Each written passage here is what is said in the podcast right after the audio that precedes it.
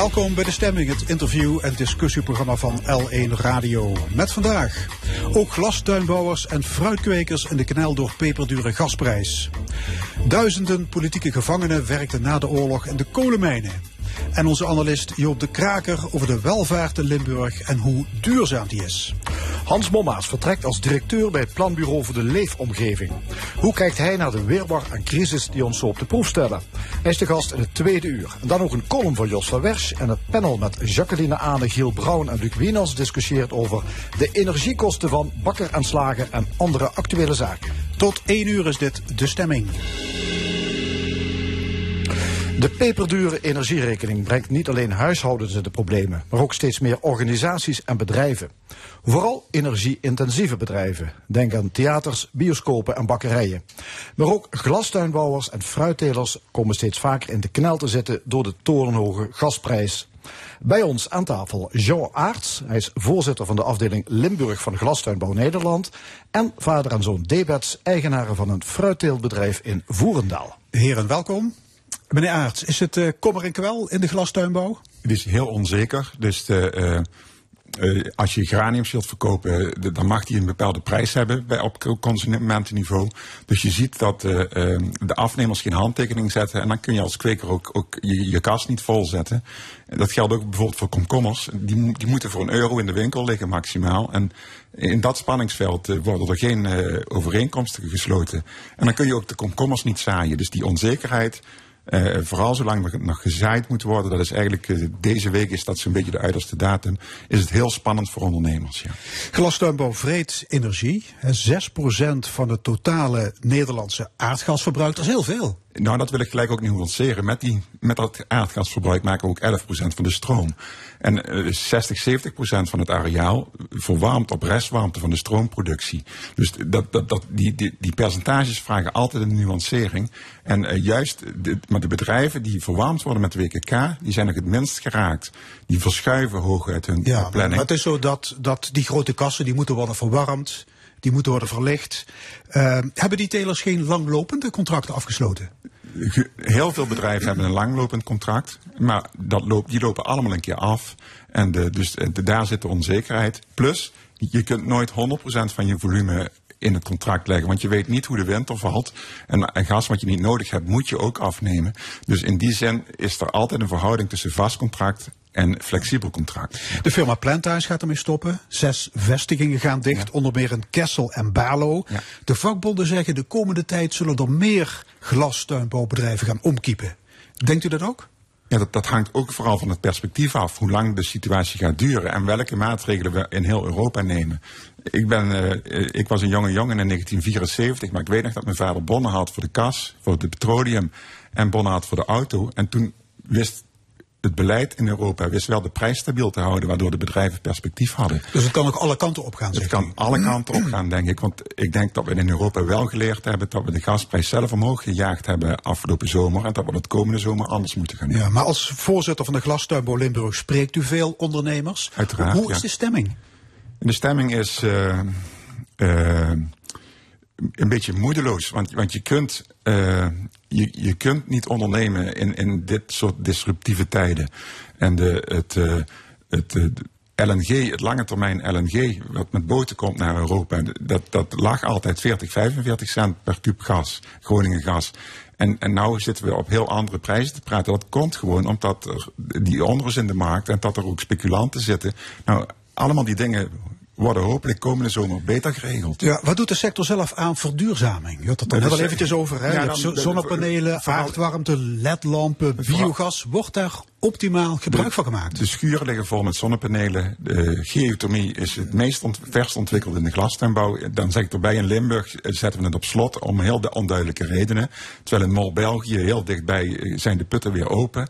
Dus uh, dat zijn wel 30 miljoen kuub gas. Hè. Dat is een hele hoop gas wat, we in, uh, wat Grubbevorst nou staat te wachten, die putten.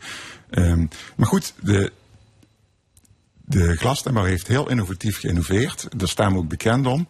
Alleen het, uh, uh, tijd heb je nodig. Want ik, ik noemde dit al disruptief. In dit soort, je kunt niet ondernemen in, met dit soort grote veranderingen als de gasprijs in een jaar tijd van 20 cent naar 3,20 euro Ja. per En er, er is iets geks mee aan de hand, want als je groene energie gebruikt, krijg je subsidie. Maar die subsidie is gekoppeld aan de, aan de gasprijs. Aan de daggasprijs, Dus hoe, hoe ja. duurder het gas, hoe lager de subsidie. Ja, dus Hoe kan dat? dat? Op zich is dat een goede regeling.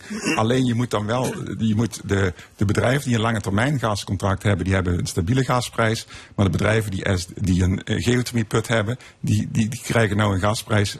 Die worden nu afgerekend op een gasprijs van 3,20 euro. Dus de, de, de, de gasprijs waar je op afgerekend wordt is niet de juiste. Want met, voor de SDE kun je niet jarenlang afdekken. En voor de inkoop van het gas kun je dat wel. En zoals ik al zei, als je de 60% van je gas onder een vast contract hebt, krijg, kun je, je wel je WKK laten draaien, maar niet je geothermieput. Want dan wordt jouw warmte te duur in de markt. Dat is bizar. Dat is echt bizar. En, de, eh, en, dat, en dat kan de Nederlandse rege- regering gewoon veranderen. Ja, en de hele sector bedoelt 2040 energie-neutraal zijn, hè? Dat, dat is afgesproken in het regeerakkoord. Dat is, eh, Dit dat- gaat dan nee, wel een beetje dat- de verkeerde kant op. Dat staat ons, in onze eigen visie. Maar eh, je, je moet eh, in de afspraken die we met de regering gemaakt hebben, inderdaad, dan staan ook een aantal voorwaarden die de regering moet invullen. Nou, en daar zit het op dit moment het grootste probleem. De sector heeft zijn afspraken nagekomen. Goed, kom ik straks nog op terug. Ook aan tafel Erik en Rick Debets, vader en zoon, eigenaren van een fruitteelbedrijf in Voerendaal. Niet in de kas, maar in de open lucht, hè? Ja. En wat hebben jullie? Eh, wij telen thuis appels en peren. Eh, Zo'n 20 hectare appels en 2 hectare peren. En, 20 eh, hectare appels. ja. En hoeveel appels levert dat op? Hoeveel kilo om en nabij? Rond die eh 700.000, 800.000 kilo gemiddeld. Oké. En hoeveel bomen zijn Hangt, dat? hangt een beetje ervan af eh, van de leeftijd van je aanplant. Als je, je gaat uit van tussen de 2500 en 3000 bomen per hectare. Maar jonge aanplant produceert nog eh, niet die tonnen. Maar gemiddeld genomen eh, kun je zeggen 700, 800 ton. Dat moet je er eigenlijk af kunnen halen. Ja, de pluk is net geweest. Ja, wie, plukt dat fruit allemaal? Veel bedrijven doen dat met personeel wat ze geleverd krijgen van eh uitzendbureaus. Wij plukken met mensen uit eh, de omgeving. Dat is zo Oké. historisch gegroeid. En dat gaat nog altijd prima. Dus geen mensen uit Nee, we hoeven Oostenrijk, dus geen ook Polen, zal ik maar Nee, zeggen. nee, wij hoeven, zolang het, of de- tot, nu- tot nu toe hoeven wij geen mensen te huisvesten of daarvoor te zorgen. En dat is op zich wel fijn. En waar gaat dat fruit naartoe? Dat gaat op dit moment de koeling in. En eh, tenminste een gedeelte daarvan. Oké, maar, maar daarna? En daarna wordt het eh, gesorteerd en verpakt en komt uiteindelijk in supermarkten terecht. Supermarkten, ja. Ehm, ja, ook jullie krijgen het flink voor de kiezen. Wat is het probleem? Jij, Vic. Het, het, het, Zo'n, het eh, probleem is, eh, Rick. ja, het probleem is niet zozeer eh, eh, alleen gasprijs of energieprijzen. Dat is natuurlijk wel een, een deel van het probleem. Maar het- ik denk dat in onze sector het, het probleem meer ligt in dat er te grote margeverschillen zitten in een uitbetaalprijs voor een teler en een consumentenprijs in winkel. Eh, dat, daar zitten toch wel een aantal schakels tussen die, die ja, wellicht overbodig zijn, maar waar in ieder geval wel eh, marge, blijft, marge ja, maar achterblijft goed, dat is een probleem. Dat kun je niet op 1, 2, 3 oplossen, neem ik Nee, aan. nee, zeker niet. Zeker En, niet. en hoe heftig is het energieprobleem? Ik de denk, rekening? dat, ik denk dat dat meevalt. Ik bedoel, wij koelen het, eh, het fruit thuis zelf. En natuurlijk eh, gaat het voor onze energierekening ook omhoog. Wij eh, hebben dan wel gelukkig in dit geval zonnepanelen. Maar dat, dat hebben we toen der tijd gemaakt, een jaar of vier geleden. Niet met de wetenschap dat dit nou zou gaan gebeuren. Maar dat helpt natuurlijk nou wel mee om die ja, energiekosten toch wel te drukken. Zonnepanelen, Maar, ja, ja. maar ook wij, eh, wij zullen er niet onderuit komen dat we een, een duurdere energierekening gaan Ja, krijgen. maar het valt nog mee, Dat zegt gaat u. nog meevallen. Dat is anders eh, bij fruitbedrijf Hermans in Sint-Odiliënberg.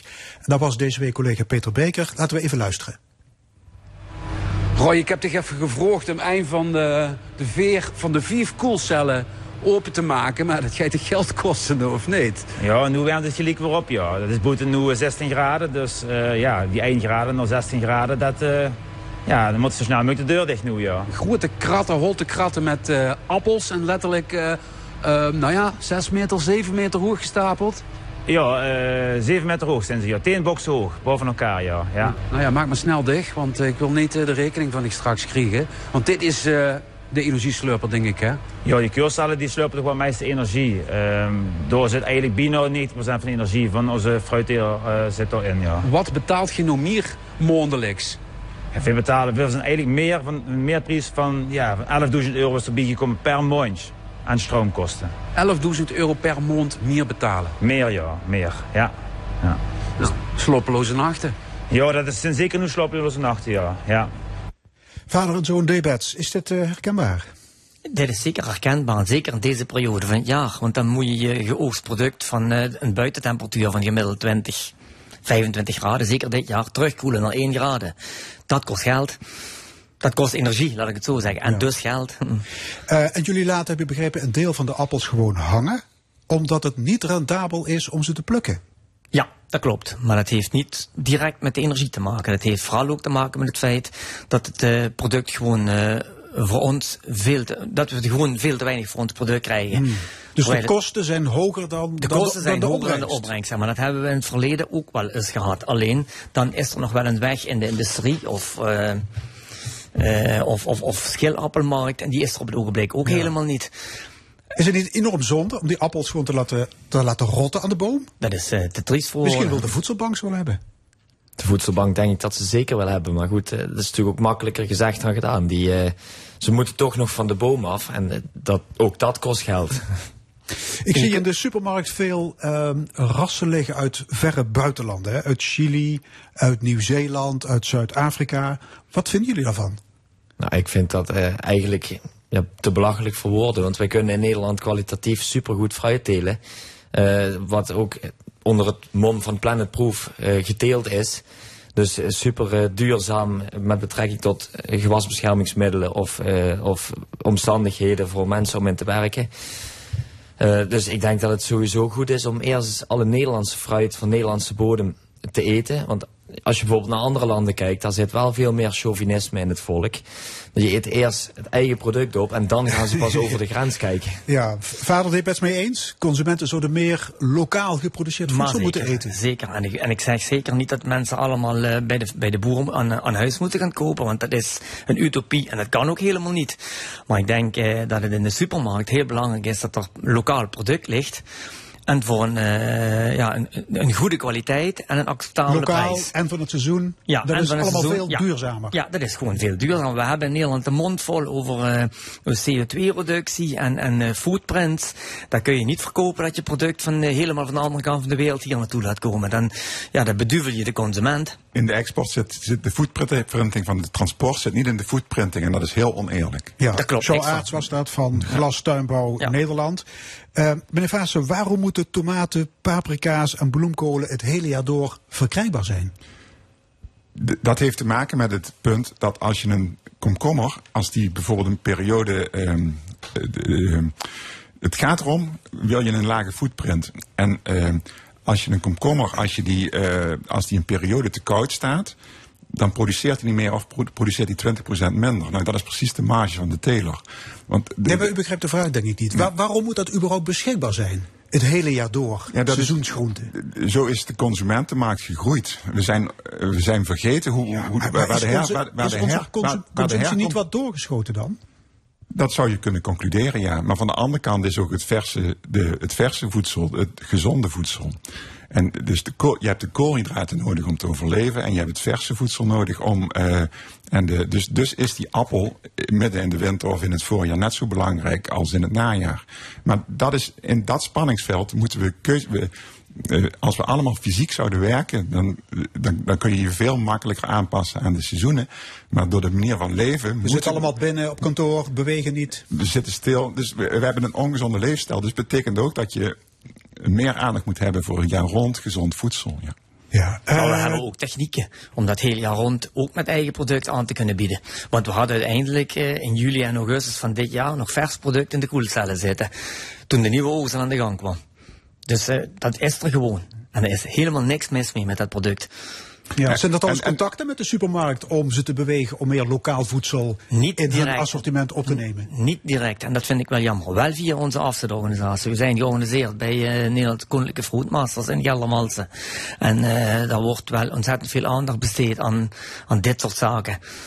Meneer Aarts, uh, de glastuinbouw is een campagne begonnen. Wat willen jullie precies van de overheid? We willen vooral dat de overheid begrijpt dat um, dat dit geen normale crisis is en dat, die, uh, uh, dat de energieliberalisering heel veel goede dingen heeft gezegd. Maar een liberalisering horen goede, uh, goede scheidsrechters bij. Ja, maar scheids... maak het dus concreet. Wat, wat... Ja, je, um, het, het, het gebrek aan gas heeft, heeft de crisis veroorzaakt. Dus mm -hmm. moet je gas besparen en niet de consumptie uh, afdekken zoals we nu doen. Dus je moet denk ik de goede keuzes maken. Dat is wat we van onze overheid verwachten. Ja, wat, wat is een goede keuze? Een goede keuze is als er als er, als er geen gas is, moet je ook geen gas gebruiken. Dus, want je moet dan het, de vraag aanpassen aan het aanbod, want het aanbod is er niet. Dus de overheid moet alternatieve energiebronnen stimuleren in ja, de sector. We, we, hebben heel lang erover gedaan om, om de kolencentrales weer aan te zetten die op 30%. Dus je, je ziet dat een heel aantal dingen niet gebeurd zijn waardoor we de crisis verergerd hebben. En dat is gewoon heel erg jammer. Ja, schakelen glastuinbouwers nu wat terug op fossiele energie?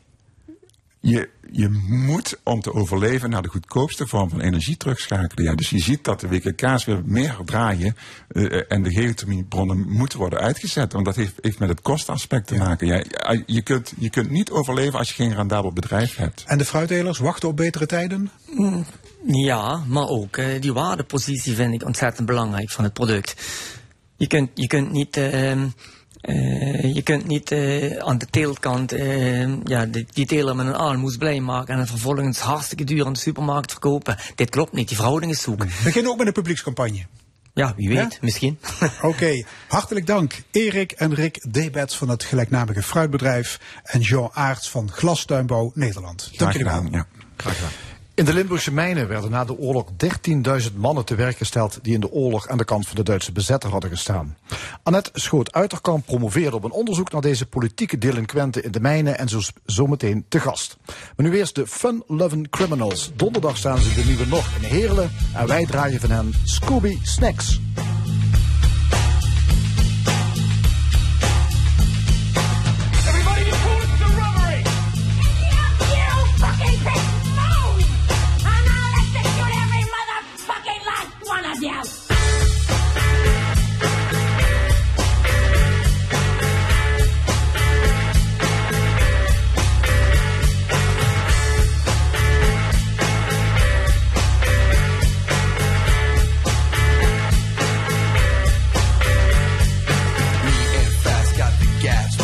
The bank. Y'all Steve outside, count a full pack, and everything's cool and everything's smooth. Hey, that's smooth. I walk up to the teller, I give her the letter. She gives me the loot, the bucket up lips and a wink that I found cute. And I said, baby, baby, baby. Is there some Carl McG love thing happening here, baby,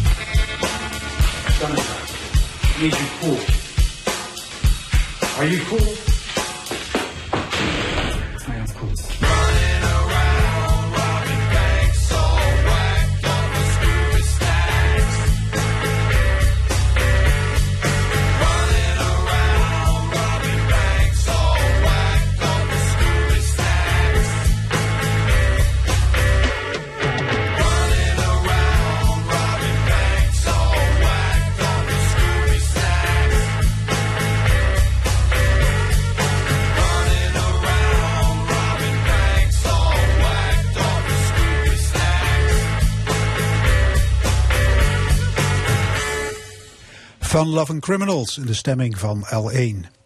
Zo'n 13.000 foute Nederlanders zijn na de oorlog te werk gesteld in de Limburgse kolenmijnen. Anders dan gedacht gebeurde dat niet onder dwang, maar vrijwillig. Die politieke gevangenen kregen ook gewoon betaald en ze werden door de gewone kompels niet met de nek aangekeken. Deze en andere mythes zijn ontzenuwd door historica Annette Schoot-Uiterkamp. Ze promoveerde deze week op haar proefschrift Kolen en Kampen. Ze is onze volgende gast. Goedemorgen. Ja, dat foute Nederlanders in de mijnen hebben gewerkt, dat was eigenlijk wel bekend. Maar de heersende idee was inderdaad, die mensen werden gedwongen. En dat is dus niet waar.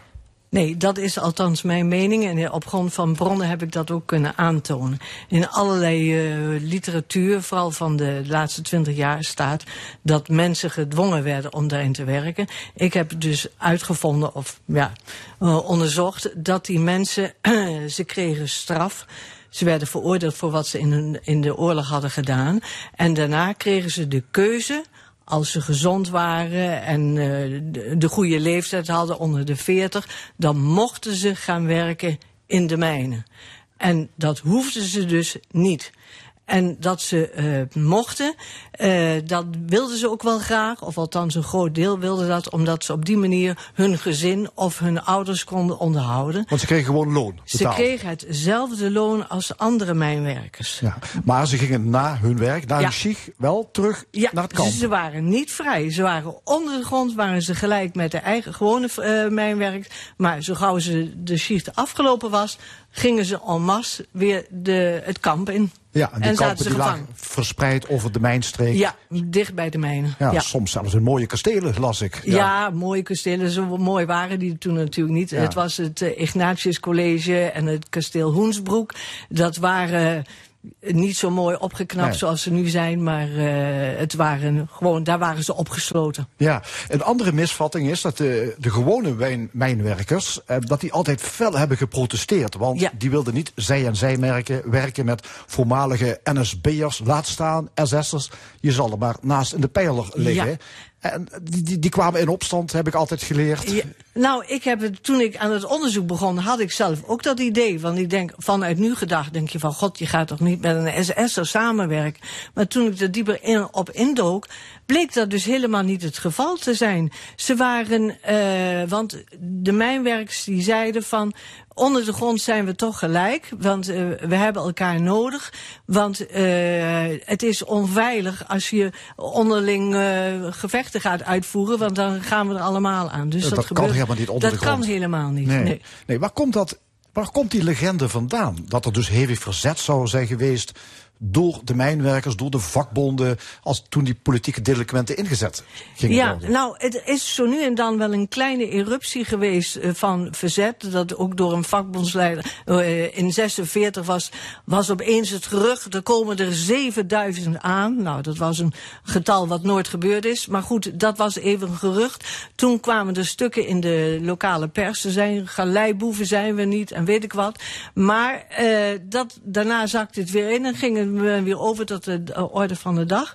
Ik denk zelf dat dat pas in de jaren 80, 90 is opgekomen uh, met de sluiting van de mijnen. Dat mensen dachten van uh, alle gevoelens van Den Haag beslist maar, wij worden aan ons slot overgelaten. En dan moesten we vroeger ook nog met die SS'ers samen, dat dat een soort, ja, een soort mythe werd het. En daar valt heel moeilijk tegen te vechten. Maar het is maar een idee dat het daardoor... Ik, ik denk dus dat het daar vandaan komt. Ja. U heeft voor uw studie gebruik gemaakt van ons archief, mag Ja. ik wel zeggen, hè, van de ROZ, zo heette de Limburgse omroep ooit. In 1980 vertelde een mijnwerker over de collega's die in de oorlog fout waren geweest en hoe dat ging. Het feit dat ze dan misdaden of... Daar hebben we hier heel weinig aan gedacht. Tenminste, ik. Ik heb ze eerst, eerst beschouwd als kumpel. En dan kwam op de verre achtergrond, kwam dan nog eens... Verrek, het is misschien toch een smeerlap geweest. Ja, nou ja, dit is duidelijk. Hè. Het bevestigt inderdaad het beeld dat u heeft. Ja. U bent uh, trouwens niet de klassieke promovenda die na haar studie promoveert. Hè. Nee. U was al met pensioen, mag ik wel zeggen. Ja. Uh, en toen begon u aan dit onderzoek naar politieke delinquenten in de mijnen. Waar kwam de idee vandaan? Eigenlijk uit het niets. Eh, ik, eh, was, eh, ik ben van huis uit historicus, maar ik heb een carrière gehad als wetenschappelijk bibliothecaris. En na mijn pensioen dacht ik, ik ga weer eens wat met geschiedenis doen. Leuk, een onderzoekje. Leuk, een artikeltje. Dat liep Maar- een beetje uit de hand. En nou, ik, eh, ik zocht een onderwerp en op fietsafstand, want ik wou niet het hele land doorreizen. Dus ik dacht, ik ga gewoon naar een archief. Ik kende daar mensen, ik kende Knotter en eh. Ja, het regionaal De- historisch, dus, eh, eh, sociaal, sociaal historisch centrum Sociaal historisch ja. centrum. En daar ben ik gaan praten. En daar kwamen verschillende onderwerpen voorbij. Onder andere dit onderwerp. En toen dacht ik, god, dat is misschien wel interessant. Leuk voor een artikel. En zo ben ik begonnen. En eh, na dat ene artikel zei Ad Knotter van, zou je er niet een proefschrift van maken? Toen dacht ik, ja, why not? En zo is het gekomen. Nu bent u dokter. En nu ben ik dokter, na Ja. zes jaar. Ja.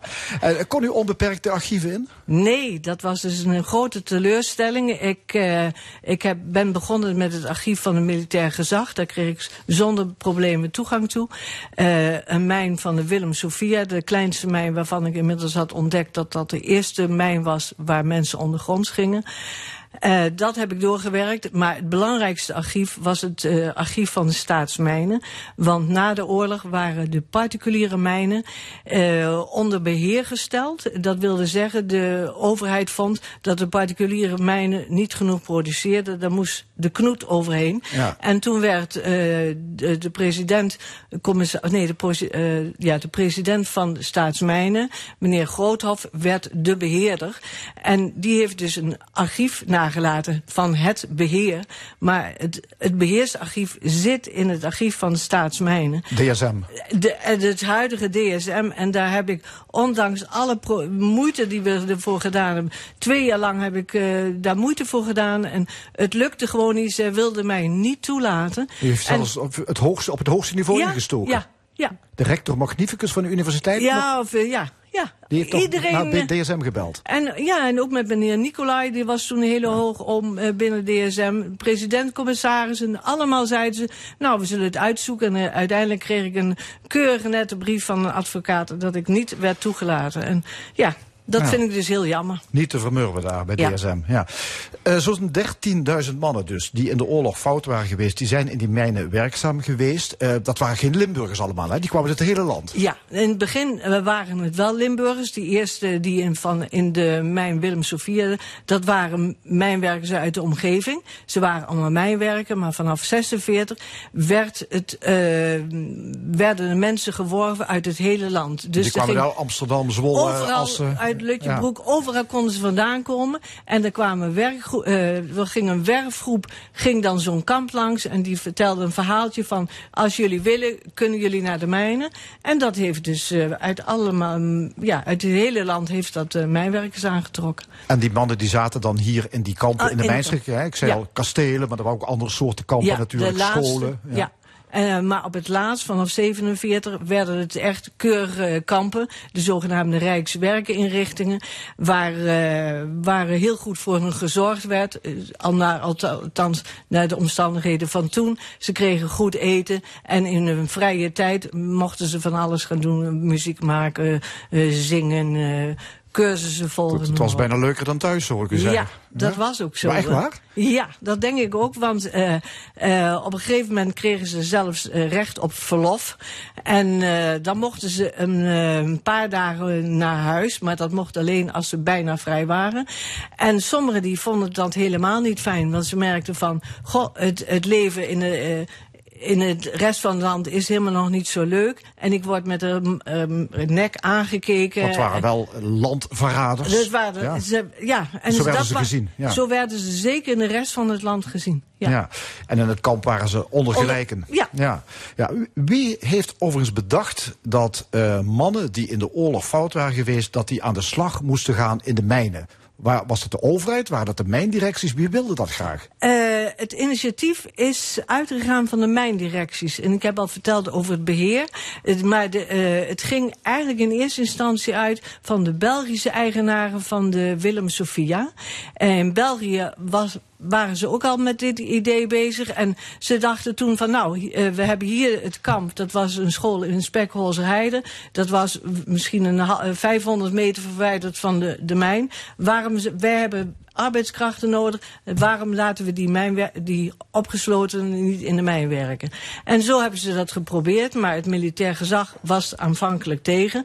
Maar op een gegeven moment, toen, zeker eh, toen het land helemaal bevrijd was, was zo'n ontzettende behoefte aan kolen dat ze het eh, toch gedaan hebben gekregen. Ja, het economische argument gaf echt de doorslag. Ja, dat gaf echt de doorslag. Ja. Ja. Ja. Is, het, is het trouwens waar dat ehm, Albert Gemmeker, dat is de commandant van Ja. Westerbork, dat is niet de minste, Ja. dat die in de mijn gewerkt heeft? Ja, dat klopt. En dat eh verbaasde iedereen zich over. Eh, in 47 is, eh, werden ook Duitsers die misdaden in Nederland hadden gedaan, werden hier veroordeeld. Nou, hij werd veroordeeld tot tien jaar, geloof ik. En hij had net als de andere veroordeelden het recht om om in de mijn te gaan werken. En hij heeft dus dat aangegrepen. Hij is hier naartoe gebracht. En eh, in 49, ja, in 49. En de meneer Arnoldus, die daar directeur was van die strafgevangenis, vond het toch wel een beetje een gek idee. Hij heeft het nog eens. Klinkt, het klinkt inderdaad nu nog steeds gek, hè? Dat het klinkt nog steeds. van Hij vond, het, hij ja. vond het. Maar toen was er natuurlijk nog niet zoveel bekend over Westerbork, wat achteraf gezien wel bekend is geworden. Maar hij vond het toch wel gek om zo'n. Ja, zo'n belangrijk eh, Duitser hier te laten werken. Maar de minister hij heeft contact gehad met het ministerie. Die zei, eh, ja, hij heeft hetzelfde recht. Gelijke monniken, gelijke kappen. Dus eh, hij is ondergronds gegaan Ja. als sleper. Ja. U, u noemde die meneer Arnoldus al, die Ja. komt in uw boek ook vaak voor. Christian Abel Arnoldus. Eh, dat was, eigenlijk- hij was verantwoordelijk voor die kampen en voor die tewerkstelling hier in, in de Limburgse mijnen.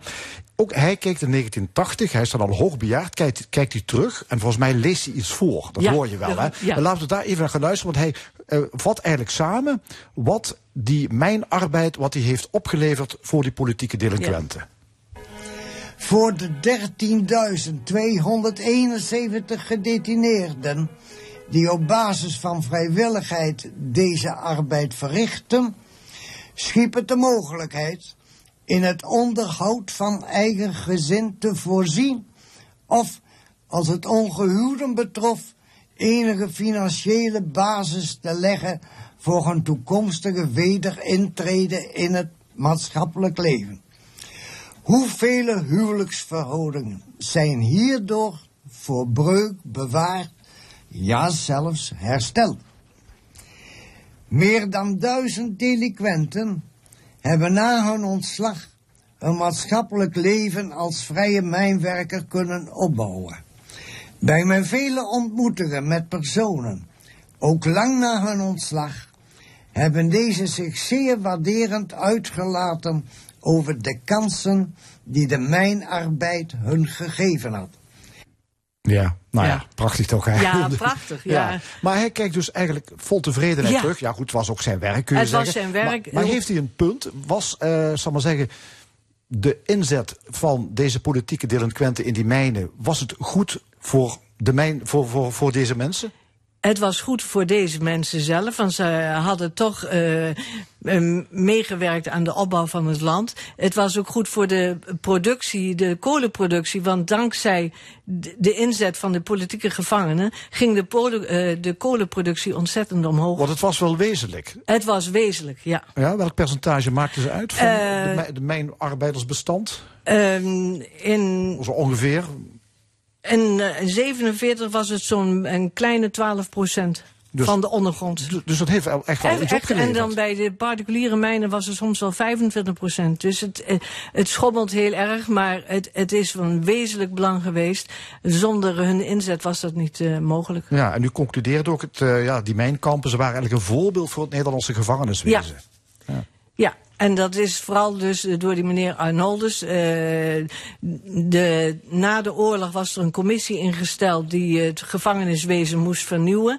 Eh, Arnoldus zat erin en hij kon dus alles meteen in de praktijk brengen, want die kampen moesten worden opgezet. Hij ging over tot eh, differentiëring, leeftijdsgenoten bij elkaar, grote groepen, Ja, kleine mo- groepen. moderne ideeën. Ja, allemaal moderne Ja. ideeën en wat uiteindelijk ook in een, in wet is Ja. opgenomen. Zijn het allemaal bij goede vaderlanders geworden? Dat weet ik niet. Dat, het gaat helemaal buiten mijn onderzoek om. En het is, uh, ik denk dat het voor heel veel mensen die veroordeeld waren en uit de mijnen terugkwamen, is het daarna natuurlijk toch een, een nare tijd gebleven. Want het, het bleven toch tweederang, uh, tweederangs burgers. Ze hadden niet direct het kiesrecht weer terug. Het Nederlanderschap was soms onthouden. Uh, ja, het gewone leven kwam weer terug.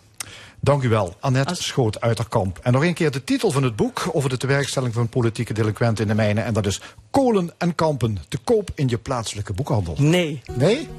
Nee, dan moeten ze het bestellen bij u. Nee. Zometeen in de stemming het woord aan Joop de Kraker, onze analist duurzaamheid. Hij gaat het hebben over de welvaartsmonitor van het CBS. Wat staat daarin over Limburg? Maar eerst een sensibel, breekbaar herfstliedje. Hier is Eva Cassidy.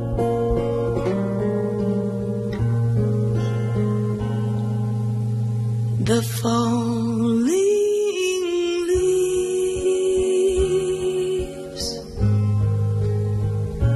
drift by my window.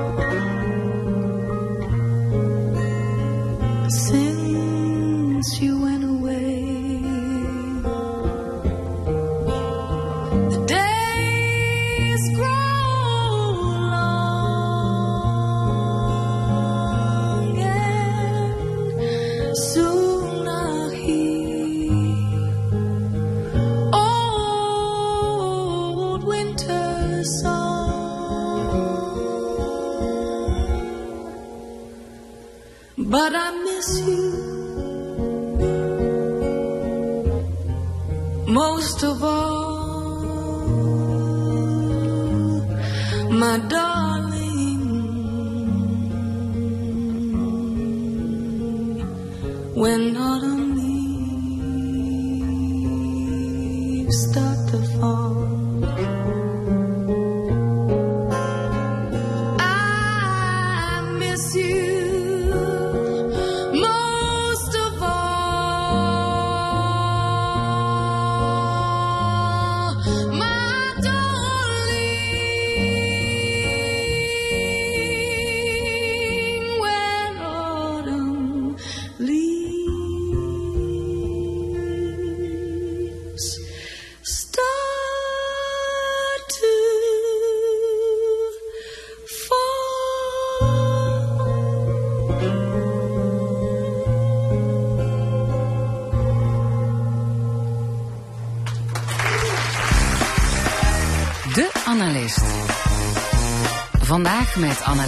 duurzaamheid Joop de Kaker.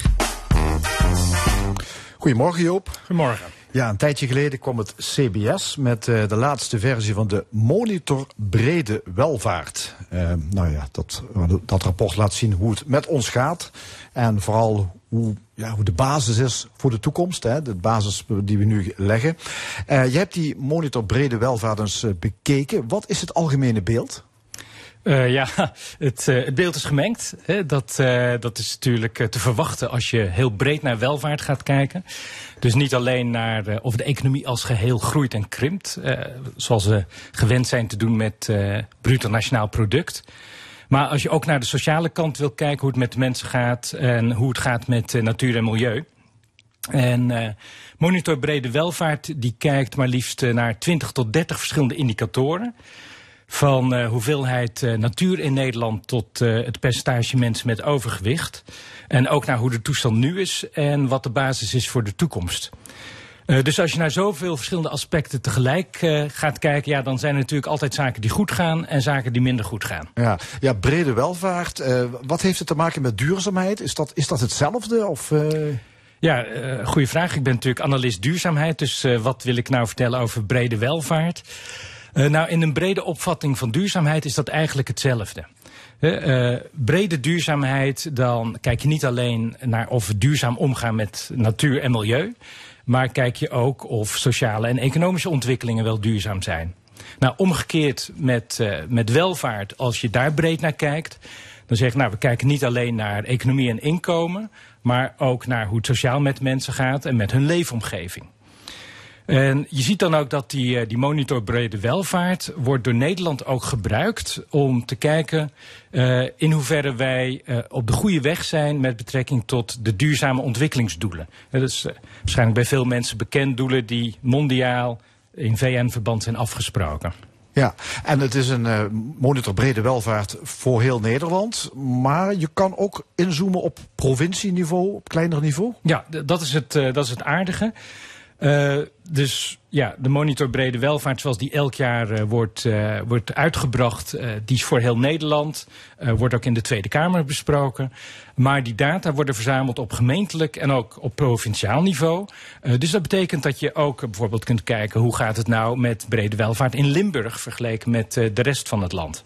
Ja, en ehm, ja, dus, dus dat is een, zal zeggen, een tussenstand. En, ja, uh, ja, het is tussenstand anno 2022, zou je denken. Maar ja, dat dus... is het helaas niet. Uh, want de data die gebruikt zijn, die zijn van medio vorig jaar. Uh, dus dat is wel natuurlijk even een probleem. Want we zitten, hè, in dit jaar zitten we in allerlei crisis verwikkeld. Denk aan de inflatie, denk aan de, de energieprijzen, oorlog met Oekraïne. En die effecten die zijn er nog niet in verwerkt. Dus daar zou ik nog wel even op terug willen komen. Ja, dat is wel even een disclaimer natuurlijk. Ja, ja. ja. Um, nou goed, laten we eens kijken. De, de, de monitor brede welvaart. Uh, dus dus van, van, van voor, ons, voor de crisis. Uh, maar ja, je kunt wel zeggen, waar staan wij?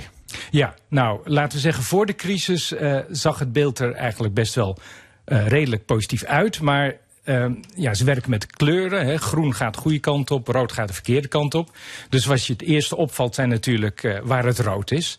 En uh, nou, dat zijn een aantal punten die denk ik voor veel mensen best wel herkenbaar zijn. Ook, ook al voor de crisis, uh, zeg maar. Zoals afnemend vertrouwen in instituties. natuurlijk iets wat, wat vaak besproken is. Uh, ook uh, minder mensen actief in vrijwilligerswerk is ook een indicator die op uh, rood staat. mensen hebben minder sociale contacten, eenzaamheid neemt toe.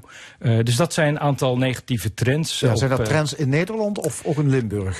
dat zijn trends in Nederland en Limburg kom ik straks nog op okay, terug. Dat is scoort op een aantal punten. Ja. Scoort op een aantal punten wel iets gunstiger dan het landelijke beeld. Ja, ja.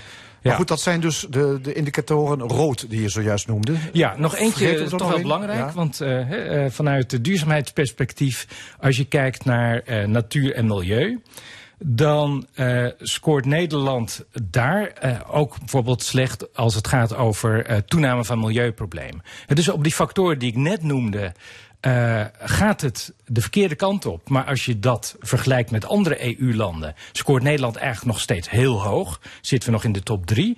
Maar qua milieuproblemen gaat het niet alleen de verkeerde kant op, maar was het al eh, verkeerd, bungelde wel onderaan eh, veel ranglijstjes in Europa. Ja, daar moeten we ons echt wel vooral zorgen over maken. Voor natuur en milieu in dit land. Ja. Ja, Ja. ja. Ehm, dat, dat was de stand van zaken eigenlijk op het moment dat die brede monitor welvaart werd opgesteld. Eh, laat hij ook de toekomst, eh, doet hij daar ook eh, voor uitspraken over? Dus over de langere termijn? Ja, dus er wordt gekeken naar van hoe gaat het nu? Hè? Wat, ja, wat zijn de cijfers voor dit moment? Het is natuurlijk ook belangrijk te weten van ja, kan het zo blijven? Is dat houdbaar? Wat is de basis voor de toekomst? En als je dan naar de monitor kijkt, dan valt wel op dat eh, met name in het eh, vlak van eh, natuur en milieu het eh, behoorlijk eh, rood kleurt. Voor de samenleving en economie ziet dat er nog vrij gunstig uit, hè, qua schuldenpositie enzovoort. Eh, maar natuur en milieu behoorlijk rood. Eh, ja, waar gaat het dan om? Dan gaat het om het feit dat eh, het land steeds voller gebouwd wordt. Er steeds minder ruimte voor natuur. De natuur zelf kachelt eh, steeds verder achteruit. Eh, de waterkwaliteit eh, komt maar niet op orde. Eh, een tijdje terug was het ook in het nieuws. Dus de drinkwatervoorraad is aan het krimpen. Dus eh, daar zou een drinkwatercrisis aan kunnen komen. En nou goed, ook de uitstoot van broeikasgassen, dus in relatie tot het klimaat, die krijgen we ook maar niet omlaag.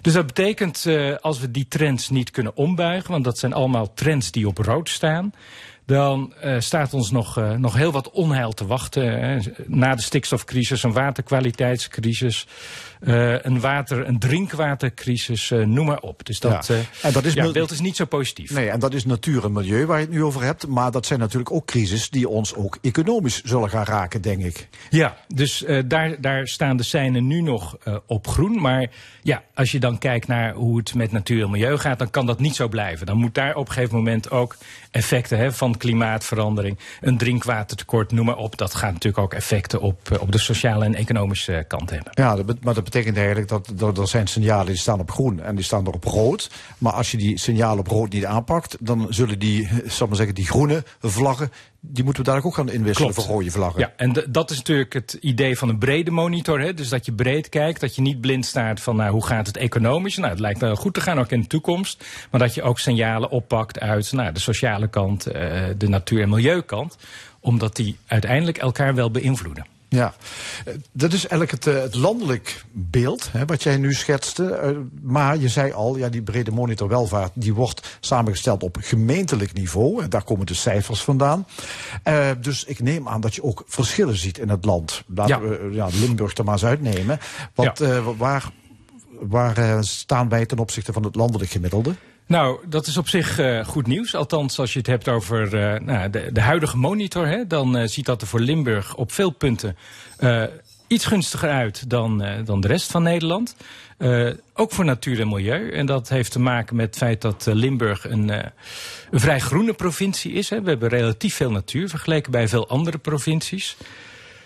Ehm, er zijn weinig negatieve trends, eh, ook voor de toekomst. Ehm, een, een mooie voor de toekomst is bijvoorbeeld dat eh, Limburg op de tweede plaats staat eh, voor het aantal woningen, of het percentage woningen moet ik zeggen, met zonnepanelen. Er staat tegenover dat qua mestproductie en uitstoot van, van stikstof en fosfaat de Limburgse landschap weer in de nationale top zit. Dus dat is weer wat minder. Ja, want dat zie je op alle kaartjes tegenwoordig. Als het stikstofprobleem, Zuidoost-Nederland springt daar echt eh, uit. Ja, ja. Dus eh, ja, eh, wat ik zei, op een aantal punten eh, beter, op een aantal punten wat minder. Ehm, als je kijkt naar eh, het landelijke beeld en eh, ja, Limburg is dan misschien iets gunstiger, hè, maar eh, dat is een zachte spiegel, want het landelijke beeld, vooral qua natuur en milieu, eh, scoort Nederland Europees toch eh, vrij slecht. Dus de conclusie is eigenlijk eh, de basis voor ons toekomstige welvaart in Nederland en in feite ook in Limburg is toch vrij wankel. Ja, dat is wel iets wat we ons kunnen aantrekken natuurlijk. Ja, dat is iets wat we ons kunnen aantrekken. En eh, ja, niet alleen dat, maar eh, als we dan ook nog eens even proberen in te schatten wat het effect van de huidige crisis is, dan kantelt het beeld nog wat negatiever. Hè. Denk aan Eh, nou ja, de stikstofcrisis, eh, daar is voorlopig nog niet het eind van in zicht. Dus de natuur zal ook nog steeds verder achteruit gaan. Eh, de inflatie zal dus ook sociale en economische effecten gaan hebben op koopkracht, op tevredenheid van mensen. Daar is dan wel weer een, een, ja, een, een lichtpuntje in de zin dat die hoge energieprijzen, die zullen sociaal-economisch nou, heel slecht uitpakken. Dat weten we allemaal. Daar maken we ons gelukkig ook heel erg druk om.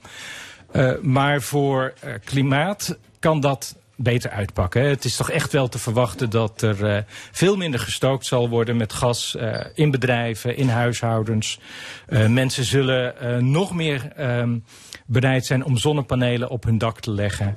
Eh, dus dat, eh, dat ziet er goed uit. Aan de andere kant, eh, de kolencentrales worden weer aangezet. Mensen zullen meer hout gaan stoken. Dat heeft weer negatieve effecten voor, voor de luchtvervuiling. En ja, ik ben ook bang dat al dat geld wat nu terecht, denk ik, wordt gestopt in het compenseren van hoge energieprijzen, gaat natuurlijk wel weer ten koste van het aanpakken van die punten waar we het al over hadden. Hè? De stikstofcrisis, waterkwaliteit, noem maar op. Ja. Dus, eh, maar op zich, dit rapport geeft wel aan, eh, lijkt mij, dat ehm, al te lichtzinnig omgaan met ons, onze omgeving, onze leefomgeving, dat ons dat straks ook in de portemonnee harder nog gaat raken. Ja, ja. En eh, nou ja, goed, om, om nog even met een positieve noot dan af te sluiten. Dus als je daar op tijd mee begint, dan kan dat wel je als het ware wapenen tegen, tegen dat soort economische schokken. Eh, Limburg is, is eh, al vrij vroeg en, en stevig begonnen met eh, het stimuleren van zonnepanelen op daken. Dus daar scoren we landelijk relatief goed.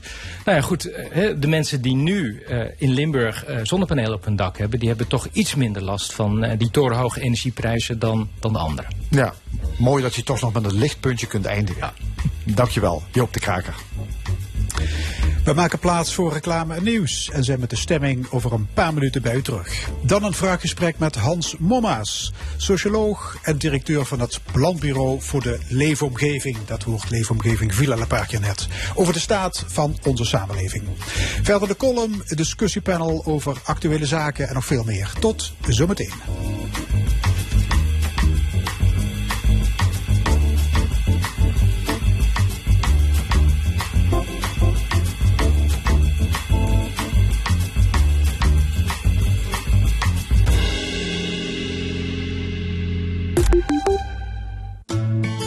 Dan 15 verschillende tuinen, een unieke groencollectie, een prachtig ingericht kasteel, exposities en volop activiteiten voor jong en oud. Iedere maand anders. Je raakt niet uitgekeken. Kasteeltuinen Arsen. Een park om lief te hebben. Soms zit het in de kleine dingen. In zitplaatsen met massagefunctie, wat een lange rit nog comfortabeler maakt. Of in alles regelen vanuit één scherm en zelfs je interface bepalen met de iconische iCockpit. Waar het ook in zit, je komt er maar op één manier achter. Plug and play met de nieuwe Peugeot 308. Boek nu je proefrit op Peugeot.nl. Peugeot. Beleef de seizoenen en veel meer in Kasteeltuinen Arsen. Een park om lief te hebben. Was kind van de kolonie, toen migreerde ik en toen woonde ik in Nederland. Dit is het verhaal van Winnie, die na emigratie uit Nederlands-Indië zelf de regie in handen neemt. Het Nationale Theater presenteert De Eeuw van Mijn Moeder. Van 21 tot en met 23 oktober in Parkstad Limburg Theaters Heerlen. Tickets op hnt.nl. Specsavers streeft al jaren naar betaalbare hoorzorg voor iedereen. Daarom betalen Specsavers en uw zorgverzekeraar echt 100% van uw hoortoestellen. En daarin is Specsavers anders dan veel andere audiciëns.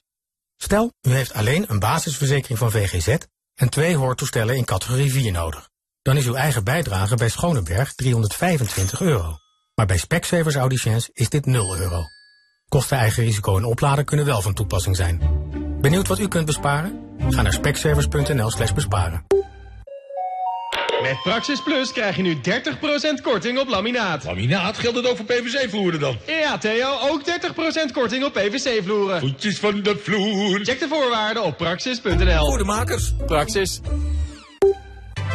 Kom naar het Klankkleurfestival op 6 november in Theater de Maaspoort in Venlo. Neem onder andere een kijkje bij de LBM Concertconcoursen, de LBK Concertwedstrijd en het VNK Limburg Concours voor koren.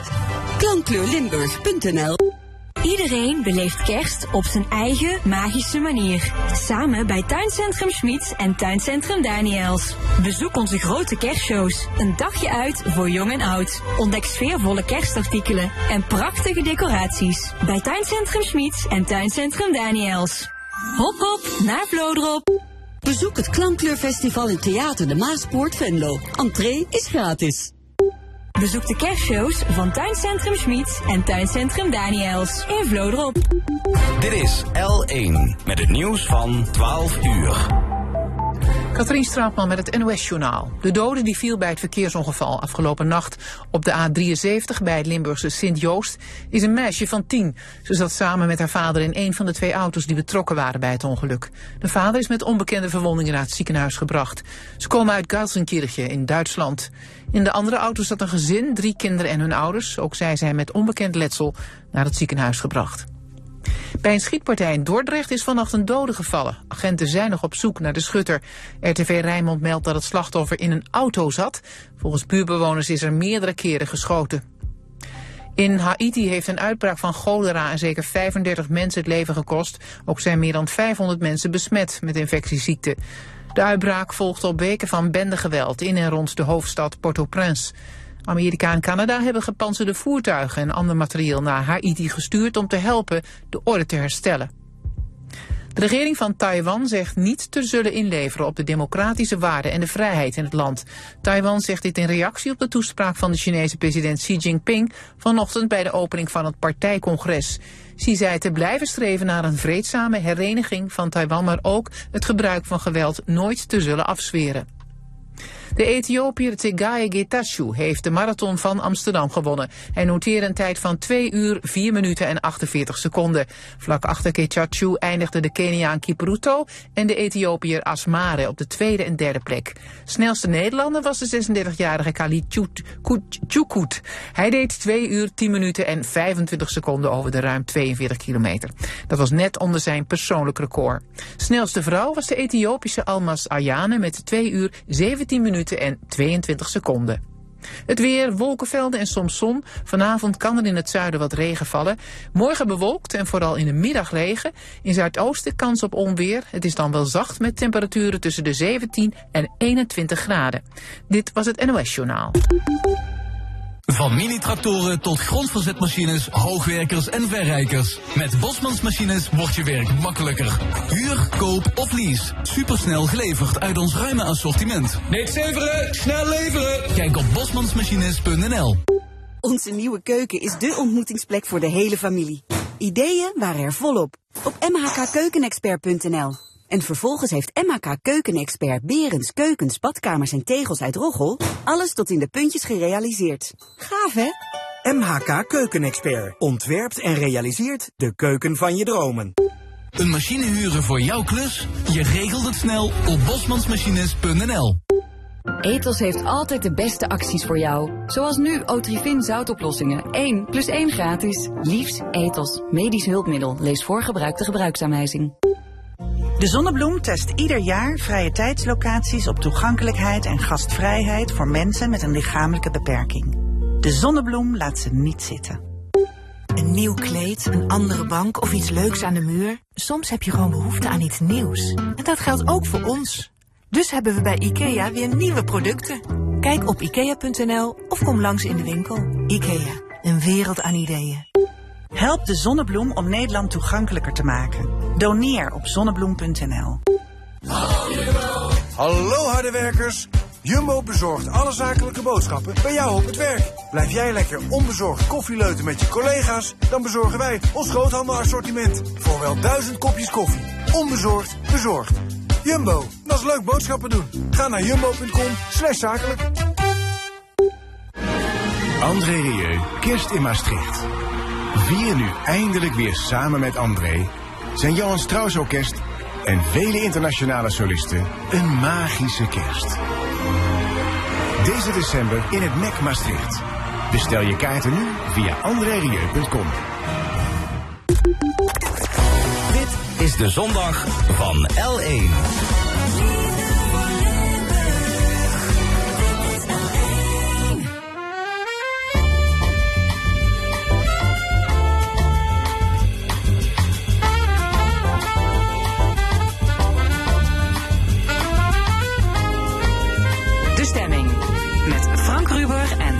Geraerts. Opnieuw welkom bij de stemming. Wat allemaal in dit tweede en laatste uur. Straks het panel met Jacqueline Alen, Giel Brown en Luc Wienans. Zij discussiëren over de vraag of energiebedrijven terug in publieke handen moeten. Een column van Jos van Wersch over Das Endspiel, maar eerst Hans Mama's. Dat is de directeur van het Planbureau voor de Leefomgeving. En dat bureau doet gevraagd en ongevraagd onderzoek naar milieu, natuur en ruimte. Op eigen initiatief, maar meestal in opdracht van ministeries. Maar wel, zo staat op hun website te lezen, onafhankelijk en wetenschappelijk gefundeerd. De directeur gaat er binnenkort mee stoppen en daarom is hij hier te gast. Hans Mommaas. Meneer Mama's, welkom. Dank. Eh, ja, uw termijn loopt af, dus de directeur is er niet voor onbepaalde tijd? Nee, uh, is een van de mensen bij het PBL die met een tijdelijke aanstelling werkt. En die tijdelijke aanstelling is zeven jaar. En waarom is dat? Dat, dat heeft te maken met het feit dat sowieso topambtelijk in Den Haag... het idee is dat je na zeven jaar plaats moet maken... om uh, de dynamiek wat te vergroten. Dat mensen niet als het ware blijven zitten waar ze zitten... Ja. en daar eigen soort van ja, routines inslijten die, die vast worden gezet en zo. En ik vind het ook goed. Ik vind het goed dat ik na zeven jaar moet opstappen. Ja, daar, dat 1 dat november niet... gebeurt dat. Ja, na 1 zeven jaar. november Bent u precies zeven jaar directeur geweest. Ja. Uh, maar als ik uw cv bekijk, dan bent u eigenlijk best nog lang blijven hangen. Waar blijven hangen? Bij, bij dit, dit bureau. In de zin zeven van? jaar. Nou, u bent vaak van baan en functie geswitcht. Oh, zo. Ja, ja, ja, ja. ja. Nee, het, het, het, uw cv wemelt van, de, van de ja. functies. Nou ja, ik, ik ben in het verleden vrij bewegelijk geweest, ja. ja en dat heeft te maken met, als, als er ergens zich interessante dingen voordoen, ja, dan denk je, ja, ja wat, wat, zal ik doen? Zal ik blijven zitten waar ik zit of ga ik toch iets anders doen? En dat is ook in dit geval dus het geval geweest. Wat me opvalt uh, is de stroom aan rapporten die het planbureau uitbrengt. Is dat uw verdienste of heb ik niet, vroeger niet goed opgelet? Hoe zit dat? Nee, nee, nee. Dat is, dat is uh, uh, denk ik altijd al zo geweest. Dat we toch wel met enige regelmaat rapporten uitgeven. Ik weet het niet. Misschien is het inderdaad het, het feit dat, dat, nu, dat daar nu een Limburger zat als directeur. Dat daar iets meer aandacht naar uit is gegaan vanuit deze regio. Nee, maar ook landelijk. Mag, mag ik stellen dat ja? het PBL een prominente rol is gaan spelen ja. in het politieke debat? Ja, dat mag. Uh, we hebben ook recentelijk weer een visitatiecommissie op bezoek gehad. Eén keer in de vier, vijf jaar uh, wordt ook het planbureau gevisiteerd. Alle planbureaus worden gevisiteerd. En ook deze visitatiecommissie constateert dat het PBL wat meer naar het centrum van de aandacht is bewogen. Dat klopt, ja. Mm, en dat doet u deugd? Nou ja, dat is mix, mixed bag, zeggen ze dan. Enerzijds wel, hè, want, want je doet ertoe. En, anderzijds, de, en anderzijds weer niet, want het betekent dat er iets aan de hand is. Uh, uh, en dat heeft natuurlijk alles te maken met uw vorige item, hè, van, van Joop de Kraker. De gaf aan, die monitor duurzame ontwikkeling. Uh, we worden ons echt wel bewust van het feit dat we langzaam tegen de grenzen aanlopen... van wat wij van onze fysieke omgeving verlangen. Ja.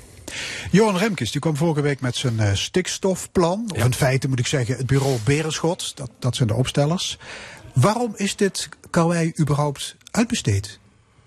Om, omdat er kennelijk het uh, idee bestond dat er iemand van buiten naar moest kijken om, om de politieke en maatschappelijke impasse die zich rondom dat stikstofdossier voordeed. Maar om die u en ik hadden dat rapport doorbreken. toch ook kunnen maken? Zo, Nou, zo nee, bijzonder was de inhoud toch niet? Ja, maar ik, ik denk dat het op zichzelf heel goed is als je, als je een buitenstaander eens even vraagt om er fris naar te kijken. Want alle, alle kennisinstellingen natuurlijk, het RIVM, het PBL en zo, hebben natuurlijk in het verleden toch ook al hun bijdrage aan de discussie Nee, geleverd. Oké, maar en daarna heb je duizenden ambtenaren. Is dat niet hun werk? Ja, ook van deel wel. Maar, maar nogmaals, zoals ik al zei, het kan af en toe goed zijn om een buitenstaander even in te huren om daar Ja, zo af en toe. kijken. Ik heb het idee dat tegenwoordig zo'n beetje alles wordt uitbesteed. Ja, ja dat, dat zou kunnen. Dat, eh, dat, misschien inderdaad is het aantal dossiers wat in Den Haag leidt tot impasses of tot lastige discussies is wel aan het toenemen. Ja, dat klopt. En dat heeft ook alles te maken met de bewegelijke wereld waarin we zitten. Eh, eh, je, je krijgt natuurlijk altijd het kabinet wat je zelf kiest. Uh, dus, dus het is niet zo dat daar een kabinet zit dat, dat er op eigen houtje dingen doet. Het heeft ook alles te maken met de politieke versplinteringen van het land. Mhm. Dat het steeds lastiger wordt om coalities te vormen.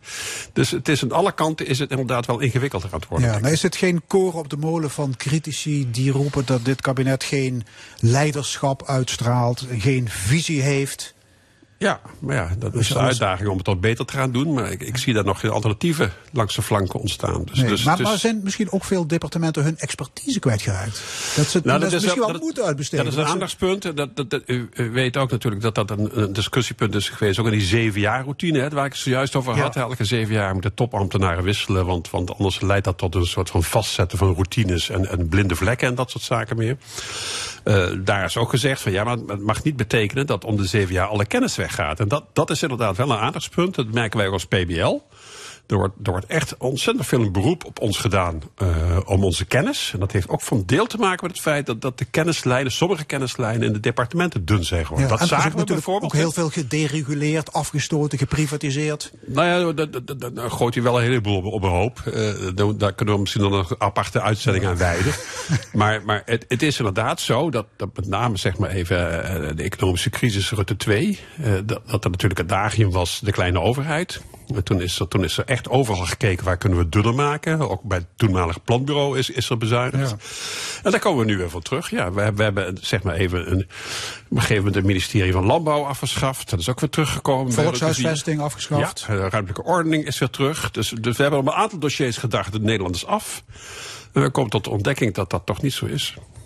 Veel kiezers zijn ontevreden over het kabinet. Ze missen eh, de daadkracht en zo. Zegt u, daar zit wat in? Of is dat eh, populistisch geroeptoeter? Nee, dat, dat, dat zit echt, maar daar had ik het zojuist al over. Hè. Dat- Dus het zijn twee dingen die, die met elkaar samenkomen. Enerzijds het aantal vraagstukken neemt toe. Dus eh, natuur, milieu, stikstof, klimaatverandering, energietransitie. We moeten echt aan de bak, want, anders is het niet volhoudbaar in Nederland. We leven in een enorm dicht bevolkt, dicht bewerkt landje.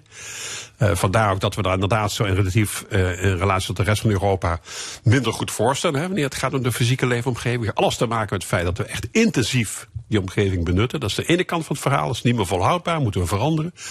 En de andere kant van het verhaal is dat we het moeten doen in een politiek-maatschappelijke omgeving die steeds meer fragmenteert en versnippert. En, en dat maakt dus het ontzettend lastig. Zeker, maar u heeft de overheid ook vaker opgeroepen om, zoals dat heet, de regie te pakken. Hè? Om richting te geven. Want, zegt u, we moeten naar een trendbreuk, naar een kanteling. En dan moeten kabinet en parlement voorop lopen in die strijd, zou ik binnen willen zeggen. Ja. En dat gebeurt nu in onvoldoende mate? Nou, alweer hè. Glas is half vol of glas is half leeg. Even, even kijken, hè. zeven jaar terug waar we nu staan. Klimaatbeleid. Toen ik binnenkwam lag er, lag er een, een akkoord dat door de SER was gemaakt, niet eens door het kabinet, om, met de energie, om de energie aan te pakken. Er lagen doelstellingen op het gebied van energiebesparing, duurzame energie. Er lag geen doelstelling voor CO2. Ik was nog niet twee weken koud directeur of ging naar Parijs voor de kop in Parijs, klimaatakkoord. Toen is daar mondiaal vastgesteld well below 2 degrees Celsius. En dat was een trigger, zou je kunnen zeggen. Toen is er Rutte 3, met aanloop naar Rutte 3, heeft nu even gezegd, wij gaan voor 49% reductie eh, richting 2030. Toen is er een klimaatakkoord gekomen. Hè? Wiebes, eh, minister Wiebes is aan de bak gegaan met het klimaatakkoord. 2019 hadden we een klimaatakkoord door het kabinet. eh, zeg maar even verordeneerd. De regie, hè? regie. En nu zitten we in Rutte 4. Die doelstelling van 49% is opgehoogd naar 55% in 2030. Ja, met, een, met een enorme bak geld. 35 miljard voor gereserveerd. Dat is nogal wat. Dat is niet zomaar een zakcentje. Dus er liggen enorme ambitieuze doelstellingen. Er ligt enorm veel geld. Wat nu moet gebeuren, is die ruimte tussen doelstellingen en geld opvullen met beleid. Ja, precies. Want dat zegt ook Corine Prins, de voorzitter van de Wetenschappelijke Raad voor het Regeringsbeleid.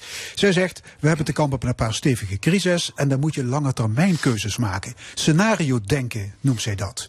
En stoppen met dat, stoppen met dat hap-snap-beleid. Ja, maar dat, maar dat is Nee. precies dus wat er gebeurt. Vandaar dus dat, dat dat fonds van die 35 miljard, dat is een langjarig fonds, hè, dat er moet toedienen om richting 2030 en misschien zelfs verder nog, richting 2050, te kijken wat je kunnen gaan doen. Er worden nu scenario's gemaakt, ook door ons, over wat we richting 2050 moeten gaan doen. Hè, want dan, dan moeten we echt inderdaad klimaatneutraal zijn. 2030 is een soort tussenfase. En sommigen zeggen wereldwijd, hè, het IPCC, joh, dan, dan ben je al zelfs te laat. Hè, want we gaan, we gaan door dat plafond van die 2 graden heen als je niet uitkijkt. Dus ook dat scenario zou moeten worden bijgesteld. Dus er is inderdaad ook werk in de winkel. Er wordt aan gewerkt. Alleen ja. het om, omzetten van doelstellingen naar beleidsmaatregelen. Kijk naar de omgevingswet. Ja. de grootste wetgevingsoperatie sinds Thorbecke, 1848. Die is al vijf keer uitgesteld. Uh, per 1 januari gaat het ook niet lukken, weer uitstel. Het maakt allemaal geen gestroomlijnde indruk. Kijk Nee. naar de aardbevingen in Groningen. Ja, maar, maar, maar, maar nogmaals, het is, het is onze rol niet als planbureau om het kabinet Nee, dat te begrijp ik. Nee, dat het, begrijp is, ik. het is onze Ja. rol om het te agenderen. eh, te zeggen, jongens, Ja. eh, jullie moeten echt aan de bak. En dat, zo'nzelfde verhaal valt natuurlijk ook te houden rondom stikstof en natuur. Want, want ook daar zien we gewoon dat de opgaven zo ontzettend lastig zijn. Wat, wat maakt dat lastig? Wat het ook lastig maakt, is dat het natuurlijk ingaat tegen enorme gevestigde belangen. Zoals? Dat- dat- nou, eh, zoals de agrarische sector. Het is niet voor niks dat, dat boeren met hun tractoren richting Den Haag gaan. Je zult je bedrijf maar opgebouwd hebben bij een natuurgebied. eh, Daar generatie op generatie gebouwd hebben. Gedacht hebben dat je kunt investeren, hypotheken aangetrokken bij, de bank en noem het maar op.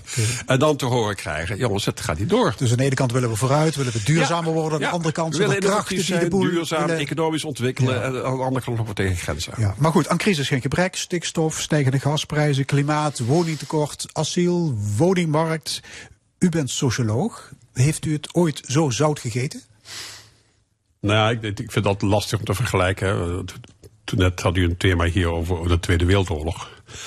Eh, Oekraïne heeft het met erg, daar is erg. Dus, dus, dus eh, ja, het aantal vraagstukken eh, stapelt zich op. Eh, ja, er is soms paniek bij deze en gene over... jongens, kunnen we dit wel met z'n allen aan? Hoe moet dit nou gebeuren? Eh, ik denk zelf wel dat we in staat zijn om, als we dat inderdaad op een goede manier nationaal decentraal oppakken. Hè, want het gaat niet alleen maar over Den Haag. Het gaat natuurlijk ook over provinciehuizen Maastricht. Het gaat ook over de provinciehuizen in al die andere hoofdsteden en regio's. Dat je toch met z'n allen. Kijk, we hebben daar zelf belang bij. Het is, het is niet iets wat, wat Den Haag over ons verordeneert of Europa over ons verordeneert. Kwaliteit van natuur, kwaliteit van je energievoorziening, kwaliteit van de lucht, van water. Eh, Dat gaat ons allemaal aan, zoals we natuurlijk hier in Limburg als geen ander weten sinds eh, de, de, de, de, de enormiteit, de, de, de wateroverstromingen vorig jaar juni en zo. Dus het raakt, gaat ons echt raken. Is er ook samenhang tussen al die crises? Is Eh, het zo dat de ene, het ene probleem het andere versterkt door een soort Nou, poly, polycrisis? Ja, en daarom is- ook gezegd in Den Haag, weet je, laten we nou inderdaad eh, al die crises eventjes bij elkaar optellen, de doelen identificeren. Mhm. En dan niet proberen om vanuit Den Haag zo blauwdruk te maken voor Nederland, maar ook tegen provincies te zeggen, kijk, dit, dit, dit moeten we zien te bereiken. Ga jullie eens nou je eigen regio na, landschapsspecifiek. Hoe je nou bijvoorbeeld klimaatdoelen, en stikstofdoelen, natuurdoelen en die waterdoelen, hoe je dat met elkaar kunt gaan combineren. En daar komt natuurlijk het Nationaal Programma Landelijk Gebied vandaan, waar provincies dadelijk voor de opgave staan om die zaken bij elkaar te denken en dat zo te bedenken dat je economie erop vooruit gaat en je landschap er sterker van wordt. Ja. Zijn het ook allemaal crisissen?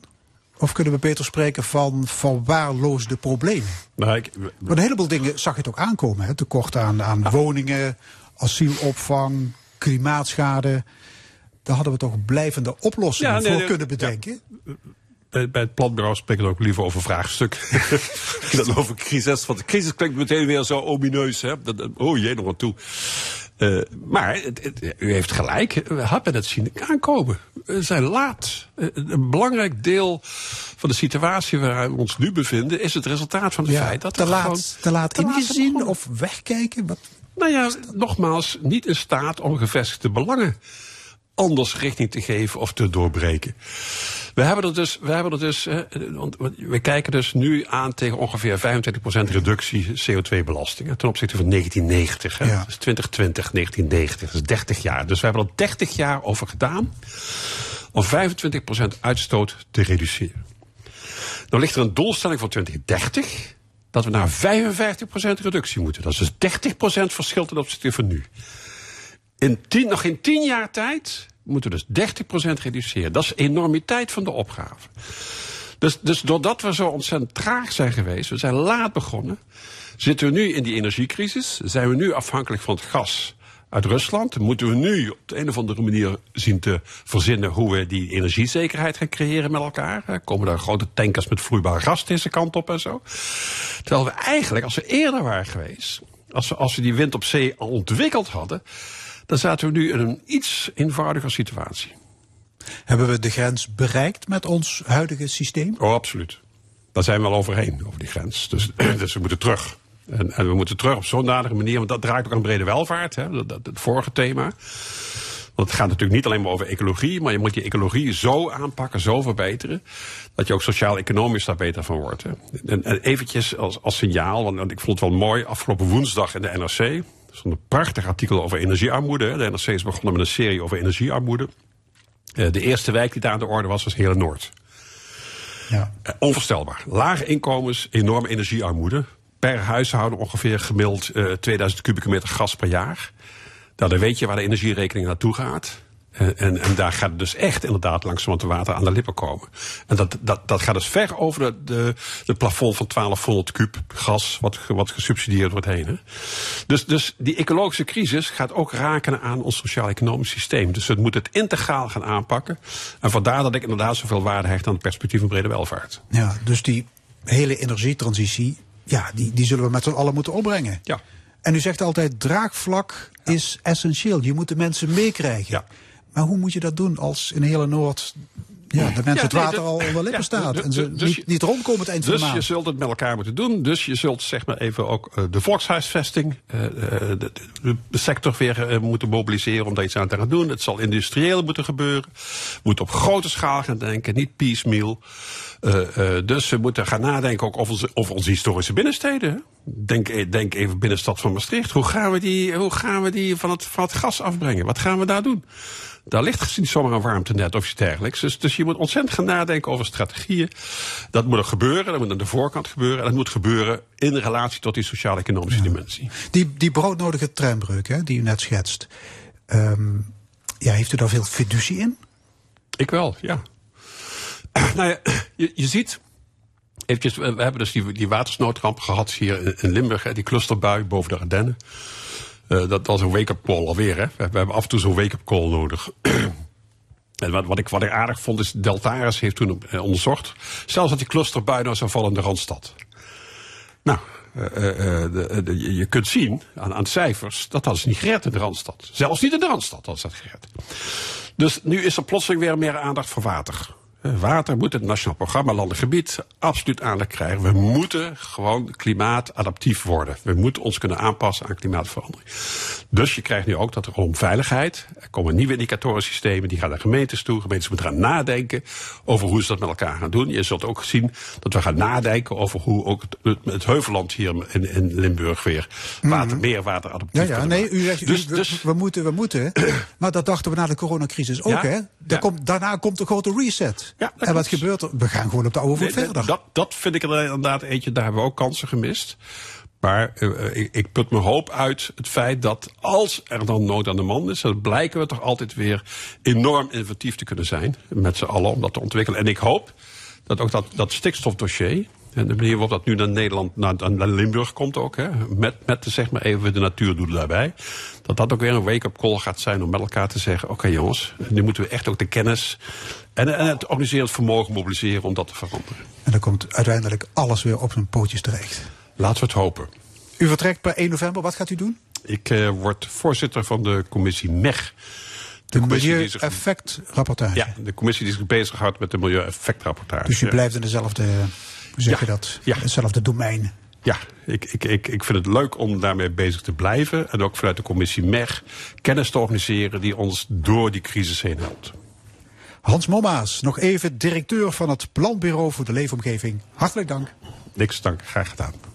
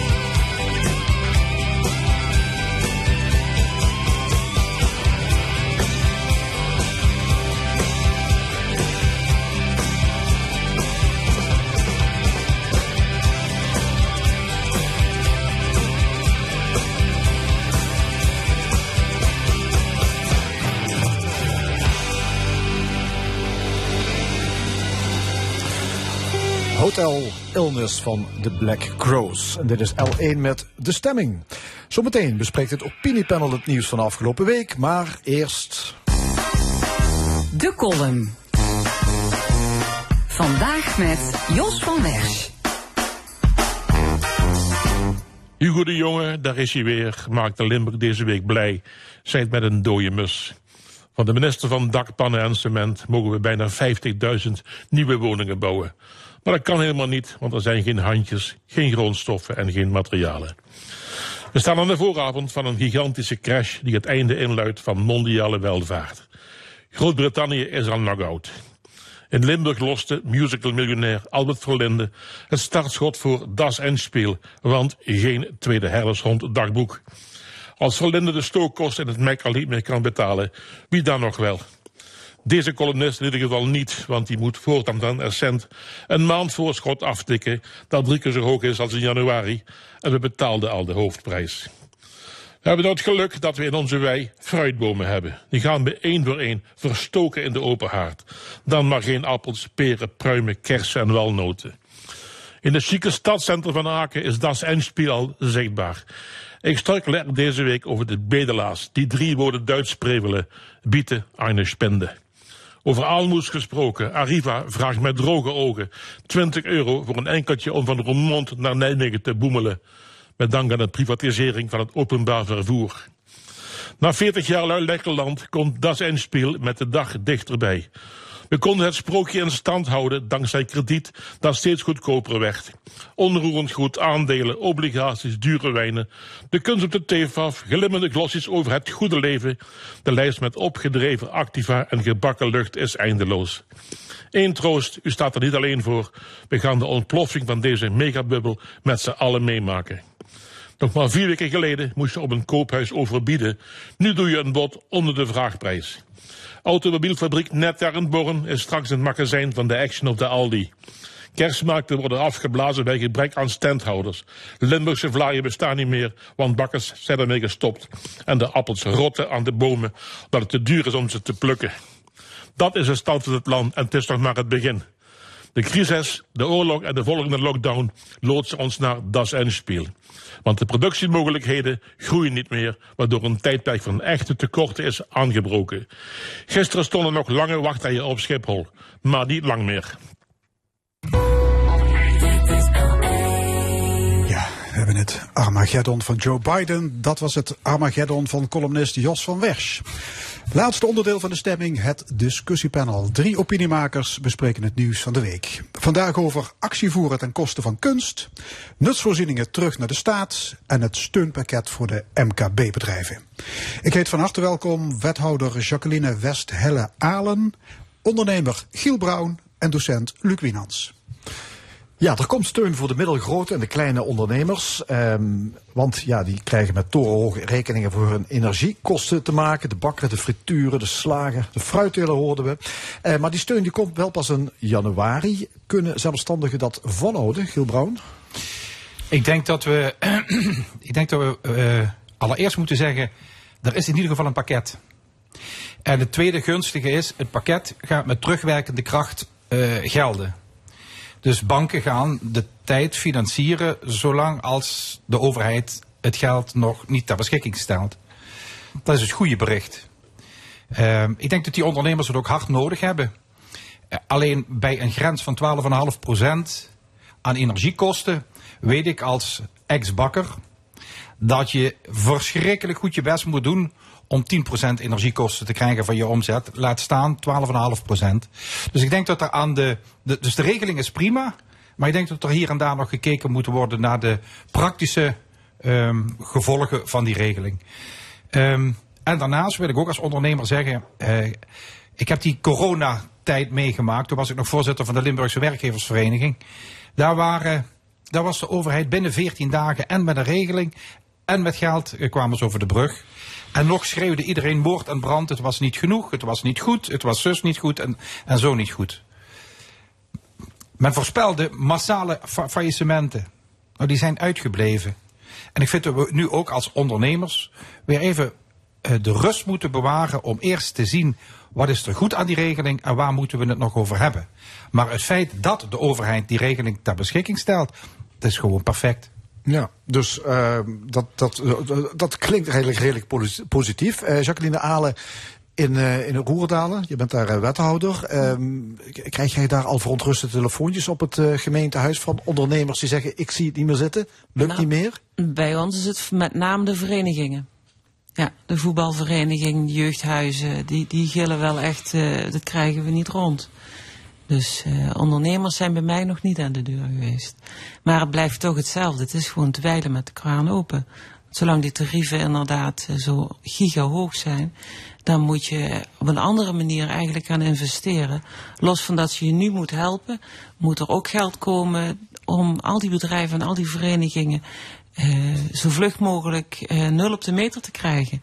Of dat met zonnepanelen is, of coöperatief met een windmolen, of wat dan ook. Maar dat, dat ze zelf die energiekosten omlaag krijgen. Ja, ja ik, ehm, Martijn van Helvert, die is voorzitter van uh, MKB Limburg. Die zei deze week hier bij L1, ehm, ja, als die ondernemers moeten wachten tot april, dan heeft de bakker de oven al lang uitgezet, de slager de koeling en de tuinder heeft de kas bevroren gehad in de winter. Het is te laat, zegt hij. Ik hoor Giel Brown zeggen, ach, dat kunnen ze best wel overbruggen. Dat het wordt door eh, de bank gefinancierd. Ja. De gezonde bedrijven worden door de bank gefinancierd. Ja. En als je een toegezegde subsidie niet gefinancierd krijgt, is er volgens mij inhoudelijk met je bedrijf iets anders aan de hand uh, dan, dan dat. Ja. Dus het wordt gefinancierd door de bank. De banken hebben zich uh, coulant opgesteld. Uh, dus um, I, I don't know. Ja, dus het is een soort natuurlijke selectie. Als je nu afvalt, dan uh, was het blijkbaar geen uh, levensvatbaar bedrijf. Ja, we gaan het natuurlijk zien. Hè. We gaan het meemaken. Het is nu nog, denk ik, dat we er met z'n allen tegenaan kijken van ja, wat voor winter gaat dat worden. Uh, want ook dat hangt natuurlijk samen met die stookkosten die nodig zijn om überhaupt de boel te verwarmen. Uh, en daarnaast natuurlijk de bedrijven die het nodig hebben. Dus ik denk dat er alles aan gelegen is om heel kort met elkaar in overleg te blijven. En wat dat betreft is meneer Van Helvert wel iemand die in Den Haag de weg weet. En dus die kan die dialoog op gang brengen.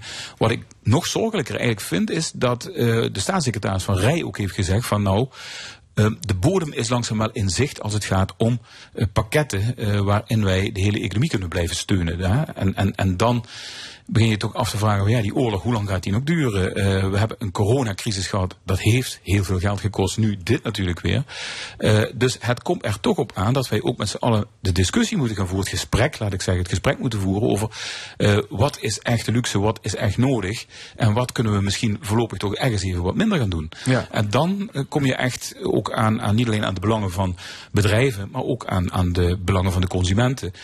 En dat kan alleen als je dat met open vizier doet en niet vanuit een boosheid van ons wordt iets afgenomen. Nee, de wereld is veranderd en dan zullen wij, ja, dat zullen wij ja, ook met open vizier tegemoet moeten gaan om dat aan te kunnen. Ja, maar wat die ondernemers die zeggen ook van het is wel goed dat, dat er steun komt, maar het kabinet wil bijvoorbeeld de helft van de gestegen energiekosten gaan vergoeden. De helft. Maar ja, voor veel ondernemers, er zijn bakkers, daar is dat nog veel te veel. Of is dit veel te weinig voor? Dat, dat, dat kan zo zijn. maar uh, kijk, die, diezelfde bakkers komen natuurlijk uit de coronatijd. Hè? En ik lees dan ook met enige verbazing dat ze de coronatijd achter de rug hebben. Maar volgens mij hebben de bakkers het nog nooit zo goed gehad dan in de coronatijd. Want de restaurants waren dicht en de verwennerijen kwamen of bij de bakker of bij de slager vandaan. Hè? En er wordt nu in één adem gezegd, ja, maar we hebben ook nog die coronatijd gehad. Als je die coronatijd ten positieve hebt gehad, mag ik aannemen dat je reserves hebt. Dus in die zin, um, ik, ik, ik ben een beetje allergisch om alleen maar te roepen wat allemaal niet goed is aan die regeling. Um, ik ga eerst kijken, uh, die 12,5 procent, dat is, dat is volgens mij uh, niet reëel. Dat moet terug naar 8, 9 procent. Uh, ook voor andere bedrijfstakken, zoals de frituurhouwer en, en uh, de, de, de, meerdere bedrijfstakken. Maar ik, ik, ik serveer deze regeling nog niet zo 1, 2, 3 af. Ik vraag me alleen macro-economisch af waarom een kabinet specifiek voor deze doelgroep een regeling treft, terwijl men voor de industrie op dit moment um, de lippen stevig op elkaar houdt als het gaat om steunpakketten. Dus als we hier Gemmelot uh, zien, hè, dat is 30% op dit moment uh, staan die, uh, van die fabrieken staan stop. We hebben het bij Gemmelot direct en indirect hebben we het over 25, 30.000 banen. Dan denk ik bij mezelf. Uh, um, en nogmaals, we moeten ons druk maken voor de slager, de bakker en, en, en, en de fruitteler. Maar volgens mij moeten wij ons macro-economisch ook druk, op, uh, druk maken. omtrent de grote industriële bedrijven. die diezelfde verhogingen van, van energiekosten gaan krijgen. Dus in die zin, um, macro-economisch begrijp ik de, de, de, deze regeling iets minder. Jacqueline Ahlen, begrijp jij het? Uh, nou ja, goed, ik weet het niet. Daar heb ik geen zicht op natuurlijk. Maar ik weet wel inderdaad, ik heb er ook gelijk in gegeven... dat bedrijven daar, uh, groot of klein, gewoon allemaal met hetzelfde probleem zitten. En inderdaad, ik kreeg het nu ook te horen met, met verenigingen dan bij ons. Dan heb je de ene vereniging die inderdaad nog behoorlijk wat een kas heeft... Maar ja, die hebben het eigenlijk goed gedaan financieel. Om eigenlijk te kunnen investeren weer in hun vereniging. En die je nu gaat straffen als je gaat zeggen, als jullie zelf nog wat vlees op de ribben hebben, dan mogen jullie het zelf doen. Dan straf je ze eigenlijk voor een goed uh, uh, ja, verenigingsboekhouding. Dus ja, lastig. Ik, het is gewoon een hele lastige situatie waar iedereen in zit. En nou ja, goed, je, je, moet dan toch inderdaad gaan kijken van hoe gaan we dit ja, voor structureel oplossen. Dus niet alleen maar nu overal brandjes blussen. Niet overal maar, wat geld in pompen. We moeten structureel gaan kijken dat we zo vlug mogelijk daaruit komen. En dat betekent niet geld overmaken, maar gaan kijken naar een andere manier waarop het verenigingslokaal verwarmd kan worden. Ja, of inderdaad samen gaan zitten. Als de bezetting niet 100% is, ga toch alsjeblieft dan eens een keer uh, een dorp Velder, uh, twee koren bij elkaar. Uh, uh, de, de handbalverenigingen, ene week bij hun, de andere week bij hun. En dan hoef je niet hele ruimtes helemaal te gaan opstoken. Dus kijk samen met z'n allen gewoon eens wat, wat inventiever en, en wat, wat meer uh, naar elkaar. Als dat je iedereen in je eigen clubgebouwtje blijft hangen. Actievoerders tegen klimaatverandering nemen tegenwoordig beeldende kunst te grazen. Vrijdag werd in Londen een schilderij van Vincent van Gogh besmeurd met blikken tomatensoep. Er is geen schade, want het doek zat achter glas. Uh, Luc Wienand, stel het zijn jouw kinderen die dit doen. Wat zou je tegen hen zeggen? Nou ja, foei foei. Nee, uh, ik heb ernaar gekeken en in dat verhaal, of daar zit een verhaal in wat daar gebeurde. Ik, vond het, ik heb er eens wat, wat, wat onderzoek naar gedaan. Uh, het is tomatensoep die tegen het schilderij gaat van Heinz. Heinz, uh, dat was iemand die geboren werd rond 1860 in Amerika. Die vond de ketchup uit. Die had een droom, de American Dream van ik word groot. Uiteindelijk is Heinz een miljardenbedrijf geworden. Uh, dat zetten we nu, dat komt in contact met die soep met Van Gogh. Van Gogh is ook weer rond dezelfde tijd geboren als Heinz. Ook in die tijd had ook een droom, ik ga schilderen, ik maak een mooie schilderij. Dat komt hier nu bij elkaar. En opnieuw zijn het 25-jarigen, want dat waren beide ook toen ze met die droom liepen, die nu dat, die soep en dat schilderij gebruiken om een boodschap af te geven naar de wereld. Nou, daar is al alles over gezegd dat mensen boos zijn en verontwaardigd zijn. Dat snap ik allemaal. Maar um, het zou toch fantastisch zijn als wij over 100 jaar misschien kunnen vaststellen dat die actie die die meisjes van 20 en 21 nu gedaan hebben, dat het misschien een klein beetje geholpen heeft om ons wakker te maken van jongens, we zijn de verkeerde kant op het gaan. En dan snap ik dat er verontwaardiging is van, van het beledigen van de kunst. En ik weet wel, maar allee, er zit een verhaal achter van jonge mensen die ons een boodschap willen vertellen. Jacqueline Westhelle, wat vind je ervan? ja, ik vind wel, het is absoluut grappig hoe die, hoe die het bij elkaar brengt. Maar eh, ik vind het absoluut een eye-opener. Ja, goed dat ze het gedaan hebben, alleen ik ben... Eh, absoluut een tegenstander van iets vernielen. Of dat nou een bushokje is of een, een kunstwerk, dat maakt me niks uit. Maar blijf gewoon van andermans spullen af. En dus, dus iets vernielen om iets te kunnen bereiken of, of aandacht voor iets te vinden. Nou ja, goed, daar, daar ben ik sowieso tegen. Dat is verschrikkelijk. Nou, als er mijn eh, dochters waren geweest, dan uh, had ik bij terugkomst ze met dezelfde lijm aan het bureau van, het, uh, van hun slaapkamer vastgeplakt. en had ze een week lang met drie maaltijden voorzien. Want ik vind het echt absoluut asociaal wat er gebeurt. Ja. Um, om, omdat ik, ben ik met jou eens, we blijven met de handen van andermans spullen af. Zo, dat was even de kritische noot. Maar we hebben het recht om uh, in de democratie om iets aan de kaak te stellen.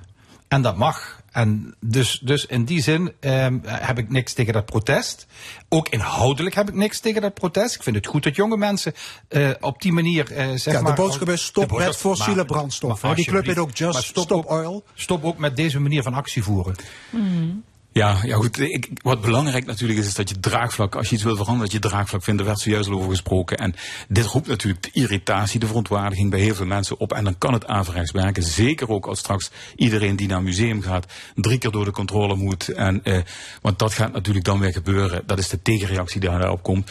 En terecht, je blijft natuurlijk met je handen van iemand anders spullen af. Ja, ja dit was trouwens een gerenommeerd museum. Hoe kwamen die met blikken tomatensoep naar binnen? Ja, ja, ja, ja, ja. Kijk naar de TEFAF. Uh, daar gingen ze met de boel van de mee Dus uh, het gebeurt. Maar, maar kijk, dus de manier van, van protesteren, dat is breder dan alleen die twee meisjes. Ja. Ik vind als je je op de autosnelweg of uh, ja. vastlijmt en, en dan het verkeer gaat ophouden. Um, je moet je ook realiseren dat je een kleine groep bent die iets vindt, die een hele grote groep, uh, uh, zeg maar, uh, dupeert in, in die zin. Dus ik, ik denk dat je, als je actie voert, dat je moet oppassen dat je niet met, met het badwater ook het kind kwijtraakt. En dat vond ik van die actie. Uh, dat ze zo'n zo'n schilderij beschadigen. Om zich daarna vast te ketenen met een, uh, met een, uh, met een emotie de boodschap overbrengen. Dan denk ik, ja, dames, denk nog eens goed na of je het niet op een andere manier zou kunnen doen. Ja, ja waarom is kunst het doelwit? Je kunt je toch beter vastlijmen aan, aan het hoofdkantoor van Shell, was wat te noemen. Ja, nou ja, weet ik niet. Ik denk dat, denk dat ze dat misschien ook wel eens een keer gedaan hebben, zich geketend hebben aan een hek. Dat, dat hoor je ook vaak genoeg. Ik denk dat ze nu echt gezocht hebben naar een, een manier die echt aandacht uh, krijgt. Is dat, dat is hun inderdaad gelukt. Ja, maar absoluut. ik ben daar wel weer bang dat, het, dat straks uh, inderdaad uh, iedere week wel iemand zich aan iets, iets waardevols voor cultuur of zo ja. zich vasthecht of stuk maakt. Het filmpje heeft inderdaad uh, alle cijfers, uh, het heeft geknald op social media. Het is ik weet niet hoe vaak te zien geweest. Ja. En dat was natuurlijk het doel, een groot publiek bereiken. Maar inderdaad, je roept ook de irritatie op bij heel veel mensen. En dan krijg je eigenlijk een beetje ja, het tegendeel wat je wil, wil halen. Namelijk, je, je bouwt de draagvlak niet op. En daarom is dat niet zo slim. Het zijn natuurlijk jongvolwassenen, 20 en 21 jaar, die dit bedacht hebben. Maar ja, alleen. Um... Maar, maar Luc, mag ik, dus ik ben het helemaal met je eens. Maar van al die mensen die dat allemaal dat filmpje bekeken hebben, hè, ja. ik zou wel eens willen weten hoeveel mensen dat daarna weten, daarna nog weten, waar ze tegen protesteren. Ja. Want iedereen ziet dat schilderij van Gogh. Iedereen ziet die tomatensoep uh, tegen de van Gogh aangepleurd. Maar of die boodschap daarachter nou zo duidelijk overkwam, dat betwijfel ik. Ja, ja, ja. Nee, ik denk dat iedereen nog wel zich kan herinneren dat de nachtwacht beschadigd werd door een verwarde man, eh, zoveel jaren geleden. En dit is natuurlijk ja, een, een ander verhaal. Je zit een actie achter, inderdaad. Ik denk dat heel snel uh, vergeten wordt van waar het precies om ging. Uh, en tegelijkertijd we hebben het er natuurlijk net ook uitgebreid hierover gehad. Over er is wel iets vreselijks aan de hand in deze wereld. En uh, er is een generatie die daar echt heel ongerust over is. Uh, en ik kan me daar van alles bij voorstellen. En, um, en ik vind dat wij ook als volwassenen niet altijd de goede dingen doen om, om de nieuwe generatie gerust te stellen van we hebben de boel in handen. We, hebben de verantwoordelijkheid gepakt. Dus, en, en ik, ja, laat ik zeggen, ik kan me daar wat bij voorstellen. Ja, ja, goed. De enige actie wat ik misschien nog wel uh, nog beter zou vinden, is dat ik stuk maken. Maar neem het even tijdelijk mee en zeg, uh, krijg het terug als er zoveel gereduceerd is. En ja, dat ze hun doel misschien bereiken of dat er echt concreet iets gedaan wordt. Dat je dan zegt van dan krijg je het ook weer terug. We nemen het even mee. dan maak je niks stuk. Ja. Ja. Iets anders. Het geloof in de marktwerking is de afgelopen maanden behoorlijk afgenomen. Zeker nu de energieprijzen torenhoog zijn gestegen. Daar zijn we er weer. Uh, zijn wij in 2004 te gemakkelijk gezwicht voor het privatiseren van de energiesector? Ja, vol, volhardig ja. Ik, ik zie ja, vind ja. ik wel. Ja, oké. Okay. Ja. Iemand anders die er. Uh, nou, ja. Iemand die er een andere mening over heeft, Luc? Nou, het, het past heel erg in, in de tijdgeest. Hè. We hebben uh, tot uh, een jaar voor de coronacrisis, denk ik zo'n beetje, zijn we ongelooflijk bezig geweest met een proces van individualisering. Het individu is belangrijk en heeft eigenlijk niks en niemand meer nodig. Als je maar een iPhone hebt, iedereen moet op zijn eigen benen kunnen staan. Marktwerking. Nou, daar hebben we ook een hele hoop voordelen aan gezeten. Maar het heeft ons ook voor een deel blind gemaakt. En dan bedoel ik blind. Het collectieve belang, uh, dat zijn we een beetje uit het oog verloren. En als je ook naar de kaart van de wereld kijkt en je ziet de landen uh, waar de individualisering hele grote vorm heeft aangenomen, dan is Europa en Amerika loopt daar echt in voorop. Uh, heeft ons natuurlijk ook van alles gebracht, maar we zijn wel het collectieve voor een deel vergeten en verloren geraakt. Door de coronacrisis en de crisis die nu rond de oorlog uh, zich afspeelt, zie je dat wij weer aan de oren worden getrokken van hey, er is ook nog een collectief belang.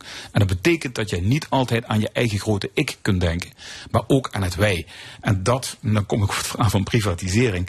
Um, kijk, die klok kun je niet meer helemaal terugdraaien. Maar we zijn daar wel veel te snel in geweest. Er was volgens mij zelfs een tijd dat er mensen rondliepen, laten we de hele overheid maar afschaffen. Uh, zelfs de Belastingdienst laten we dat ook maar privatiseren. Nou, laat ik zeggen, dat kan niet. Daar, daar, daar zijn wij het echt, echt wel in doorgeslagen. Helemaal terug in 1, 2, 3, dat gaat ook niet. Maar we zijn er wel in doorgeslagen. Ja, die, die veel privatiseringen hebben ons toch niet gebracht wat we verwachten. Hè? Als je kijkt dus energievoorziening, daar hebben we het over. De gezondheidszorg, veel problemen. Op het spoor, uh, daar loopt het ook allemaal niet lekker. Dus eigenlijk, we hadden dit gewoon nooit moeten doen. Nou, ik, ik bekijk het vanuit twee kanten. Hè. Dus uh, als we kijken naar de nutsvoorziening, hè, de energievoorziening. Uh, Um, als je het vanuit strategisch oogpunt bekijkt, dan, dan hebben we dus nu gezien, we, we betrekken dus gas van een private partij, private partijen. Um, en je ziet wat het geworden is uiteindelijk als, dat een, uh, als daar een verkeerde leverancier achter zit. Um, dus vanuit strategisch oogpunt denk ik dat, het, dat je nutsbedrijven echt onder de overheid moet uh, scharen. En het tweede is dat je je kunt afvragen uh, of op nutsvoorzieningen uh, of daar uh, de marktwerking, dus de factor winst van toepassing uh, mag zijn. Um, dus dus op het moment dat een, een, een Gazprom of Ineco of, of welke grote maatschappij dan ook, op het moment dat die geld overhouden wat ze kunnen uit, uitserveren aan aandeelhouders, dan, ondanks dat ik ondernemer ben, maar dan begin ik me toch af te vragen of dat nog wel oorbaar is als de overheid aan de andere kant moet bijspringen omdat uh, particuliere mensen gewoon hun rekeningen niet meer kunnen betalen. Dus zowel uit strategisch oogpunt als ook uit ethisch oogpunt vind ik dat je nutsvoorzieningen terug moet brengen bij, uh, bij de overheid. Ja, ja de SP die pleit ervoor om die bedrijven inderdaad opnieuw te nationaliseren. Hmm. Een goed idee? Ja, vind ik een goed idee. En dan mag de gezondheidszorg ook meteen bij. Want dat was ongelooflijk. Uh, ik heb dan, ja, kom er zelf ook uit de gezondheidszorg. En dan ga ik een heel tijdje terug. 1989 ben ik daar begonnen. Toen had je inderdaad nog een ziekenfonds en een particuliere uh, tarief. En uh, zo had je eigenlijk al een beetje, degene die, die het wat beter kon betalen, die betaalde ook wat meer. En kon zich daar eventueel voor verzekeren. Maar je had wel nog voor, voor de mensen die het wel wat minder hebben, die hadden inderdaad dan wel die steun van het ziekenfonds. En waarom hebben ze dat in godsnaam losgelaten? Want daarna zijn het tarief alleen maar omhoog geknald. Ja, wij, wij ja. dachten dat we daarmee goedkoper uit zouden zijn. Ja, dat ook efficiënter zouden worden. Dat hadden we van tevoren kunnen verzinnen. Want artsen onder elkaar, dat zijn collega's. Dat zijn geen concurrenten. Dus die gaan gewoon bij elkaar zitten en die zeggen... joh, dat gaan we heel eventjes anders regelen. Klaar. En dan zie je gewoon de tarief alleen maar omhoog gaan. Ja. Nationaliseren van de energiesector. Is dat een goed idee, Gilbrand? Dat, dat is een goed idee, maar um, um, en, en, ik ben het dus met de SP eens. Ik zou alleen willen weten... Deze, deze knippen we trouwens even, die bewaren we. Hè? Uh, nou ja, ja. werkgeversvoorman die zegt ik ben het met de SP ja, eens. Maar ik vraag me af, ik vraag me af en nu komt het, hè, het venijn zit hem in de okay. tweede helft. Hè. Ja. Ik vraag me af of de SP ook een plan van uitvoering heeft. Want eh, eh, laten we eerlijk zijn, we kunnen hier eh, met z'n vijven aan tafel wel zeggen dat we de, de, dat we de energiemarkt weer gaan eh, nationaliseren. Maar eh, hoe, gaan we, hoe gaan we dan om met de commerciële partijen in deze? Dus dat is nog, nog niet zo makkelijk gezegd. Maar op de vraag, eh, zou, je het, zou je het beter vinden? Dat, daar zeg ik vol, vol, ja, met harde stem ja. Ja, ja. Het, moet, hier toch ook een DDR worden, of wel? Nee, nee, nee. nee, nee. Ja. nee. Zal, zal, het niet zo zijn dat heel veel bedrijven als de Wiedeweerga uit Nederland vertrekken... als je zo makkelijk gaat nationaliseren trouwens? Nou, laat ik zeggen, je moet er even verstandig over nadenken. En er is nog een ding, je moet het dak repareren bij mooi weer. En wij zitten natuurlijk op dit moment helemaal niet in een mooi weersituatie. Dus we moeten ook nu, nu in paniek zeg maar, aan de knoppen gaan draaien.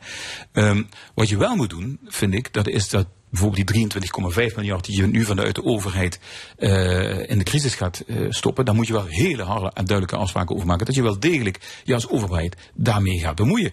En niet zo van alsjeblieft en, en kijk maar wat je ermee doet. Want dus, nu worden gewoon de rekeningen van de consumenten worden betaald door de overheid. En die ja, gaan dan voor een deel, naar die aandeelhouders. Voor een deel. deel. Nee, nee, voor, voor een deel. deel. Kijk, er zit toch ook een uitdaging bij, bij de mensen thuis. Hè?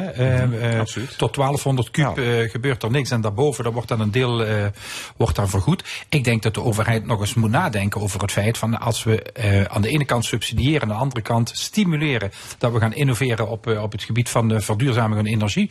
Ja, dan moet je wel ook nadenken over wat moet het net dan aan kunnen. Hè? Moet ik als overheid niet meer geld in de innovatie om de netten die er zijn te, te, te, equiperen, dat ze ook al die stroomvoorzieningen kunnen, kunnen leveren. En dat is op dit moment ook gewoon een probleem. Een bedrijf wat wil overschakelen op stroom, wacht een jaar voordat ze bij Tenet op uh, kunnen aansluiten. Ja. Zien jullie er trouwens in de praktijk van komen dat de energiemarkt weer genationaliseerd gaat worden in Nederland? Nee. Nee, ik zie dat niet, maar dat heeft... Sorry, nee, Luc. Nee, ja, ik, ik, denk inderdaad dat het een, een partnerschap zal moeten zijn. En, eh, en, dat we ook daar naartoe gaan. Kijk, je kunt nu niet inderdaad de knop weer helemaal terugdraaien. Uh, je zult het veel meer in een samenwerking naar de oplossing moeten toewerken. Uh, kijk, de Belastingdienst is ook een... laat ik zeggen, een overheidsbedrijf, zou ik maar zeggen. Daar is ook van alles mis mee. Als je naar het COA kijkt, ook dat krijgen we als overheid niet fatsoenlijk georganiseerd. Overheidsbedrijf, dus, overheidsbemoeienis betekent niet per definitie het, dat goed gaat. Het gaat nee, nee, precies. Het gaat er per definitie om dat iedere organisatie het verdient om fatsoenlijke kritische massa om zich heen te verzamelen om optimaal te functioneren. Nou, ik, ik hoorde net op de, op de televisie hè, de Belgische staatssecretaris van uh, volgens mij infrastructuur. En die had het erover om de overwinsten van de energiebedrijven te gaan afronden en door de overheid, hè, middels belasting, om dat geld weer ter beschikking te stellen aan de mensen die de uh, factuur niet kunnen betalen. Marxisme, Leninisme is een opmars. Dit is de lage we hebben het over de nutsvoorziening. Oké, okay. tot slot de laatste ontwikkelingen rond de oorlog in Oekraïne. Uh, Poetin schijnt door zijn militair materieel heen te zijn. Hij bestookt grote steden, vooral de energiecentrales, met raketten. En er is nog altijd de dreiging met kernwapens. Uh, zit Poetin in het nauw? Wat is jullie inschatting? Luc Wienans? Eén, één signaal waar ik echt wat vrolijker van werd, dat is dat er een social medium is in Rusland. Iets wat op Facebook lijkt. Uh, daar zijn 50 miljoen Russen die dat volgen, van de 144. Uh, en daar is men steeds meer kritisch over de bewegingen die Poetin maakt rond die oorlog. En dat is natuurlijk, kijk, die social media, ik hoop echt dat daar nu ook de kracht in positieve zin uitkomt. Dat Poetin echt aan het wankelen uh, wordt gebracht. En dat het van binnenuit, vanuit het land, uh, dat daar de corrigerende tik gaat komen. Ja, ik ben het er wel mee eens. De enige manier om Poetin te stoppen is eigen inwoners. Dus het eigen volk in opstand komt, dan krijg je hem nog uh, ja, stop. En anders niet. Want ja. er wonen zoveel mensen in Rusland. En nou ja, goed, hij kan nog wel even vooruit. Ik zie, het, ja. ik zie het ook nog misschien vanuit een andere invalshoek. Um, hij heeft nu 100.000 mensen gerecruiteerd, hè, maar die zijn niet voorbereid. Plus we gaan de winter in. Dus het zou ook maar zo kunnen zijn dat u uh, ons alle uh, wat uh, zand in de ogen strooit. Hè, door te zeggen, we gaan die winter gaan we stabiliseren. We gaan niet meer extra bombarderen, et cetera, et cetera. Misschien probeert hij het vanuit diplomatiek oogpunt, vanuit Macron, waar hij nog regelmatig contact mee heeft en met Erdogan, om te zien of we op diplomatiek niveau iets kunnen betekenen. Maar het zou ook maar eens zo weer een voorbereiding kunnen zijn voor een hete, hete lente. Ja, want ondertussen krijgt Oekraïne steeds meer wapens vanuit het Westen aangeleverd. W waar zal dat eindigen? Wordt het niet steeds meer een oorlog tegen de NAVO? Ja, dat is natuurlijk eigenlijk al gaande. Hè. Uh, ik, ik vind het 100%, ik sta 100% achter het beleid van die NAVO uh, dat, dat we inderdaad uh, wapens leveren, kennis leveren om, om zo stevig mogelijk te kunnen optreden. Maar het moet wel iets opleveren. En wat het tot nu toe oplevert is inderdaad een toename van bombardementen. Volgens mij is het zo dat bij ieder bombardement dat Poetin nu laat plaatsvinden in Oekraïne, verliest hij weer meer draagvlak. Iedere dag opnieuw. Dat is mijn hoop ook natuurlijk, maar ook wel mijn verwachting. Ik ben het met, met uh, Luc Wienans volledig eens. De NAVO, ik vind dat de NAVO strategisch gezien een zeer goede, uh, zeer goede strategie volgt. Waarom? Omdat ze aan de ene kant Oekraïne helpen om zichzelf te verdedigen met, met, met weliswaar westerse wapens. Oekraïne verdedigt zich ook zelf. Hè? Zij kennen hun land en, en de Russen komen binnen en, en weten dat dus niet. Maar ze escaleren niet op NAVO-niveau versus Rusland. Ik vind dat echt fantastisch. En ik denk ook dat dat het, uh, de grote kracht is. Um, uh, achter het feit dat, dat een Poetin zich nu realiseert: 43 landen in Europa, 30 landen NAVO. Hè, ze zijn het zich allemaal eens. Die verdeeldheid, hè, wat hij heeft willen zaaien, dat is hem niet gelukt. Mm.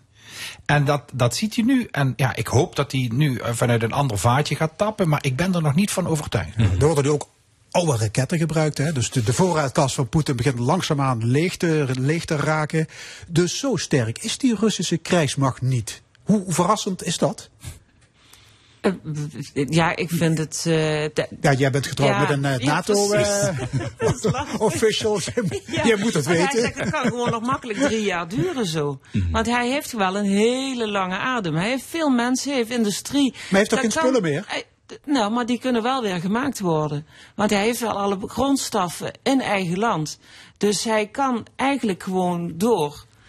Alleen ja, hij moet nu de tijd hebben. Die krijgt hij nu in de winter zeer waarschijnlijk ook. Om gewoon rustig weer nieuw te maken. Dat is wat ik zeg. Hè. Het zou ook kunnen zijn dat hij de winter nou gaat gebruiken. Enerzijds om die 100.000 mensen eh, goed op te leiden. En aan de andere kant om, om zijn voorraden aan te vullen. Dat zou kunnen zijn. Alleen, wat, wat is die aan het bereiken? Dus wat, waar, waar nou, zit dan nog... Laten we op die vraag gaan komen deze middag. Wat kan hij nog bereiken? Hartelijk dank, discussiepanel. Vandaag met Jacqueline Westhelle Alen, Luc Wienans en Giel Brouwen. Dank jullie wel. En dit was de stemming vandaag gemaakt door Edwin Maas, Fons Geraerts en Frank Ruber. Graag tot volgende week, zondag 11 uur. Dit programma wordt herhaald maandagavond om 8 uur. En is ook te beluisteren via onze website l1.nl. Ik wens u nog een hele mooie zondag.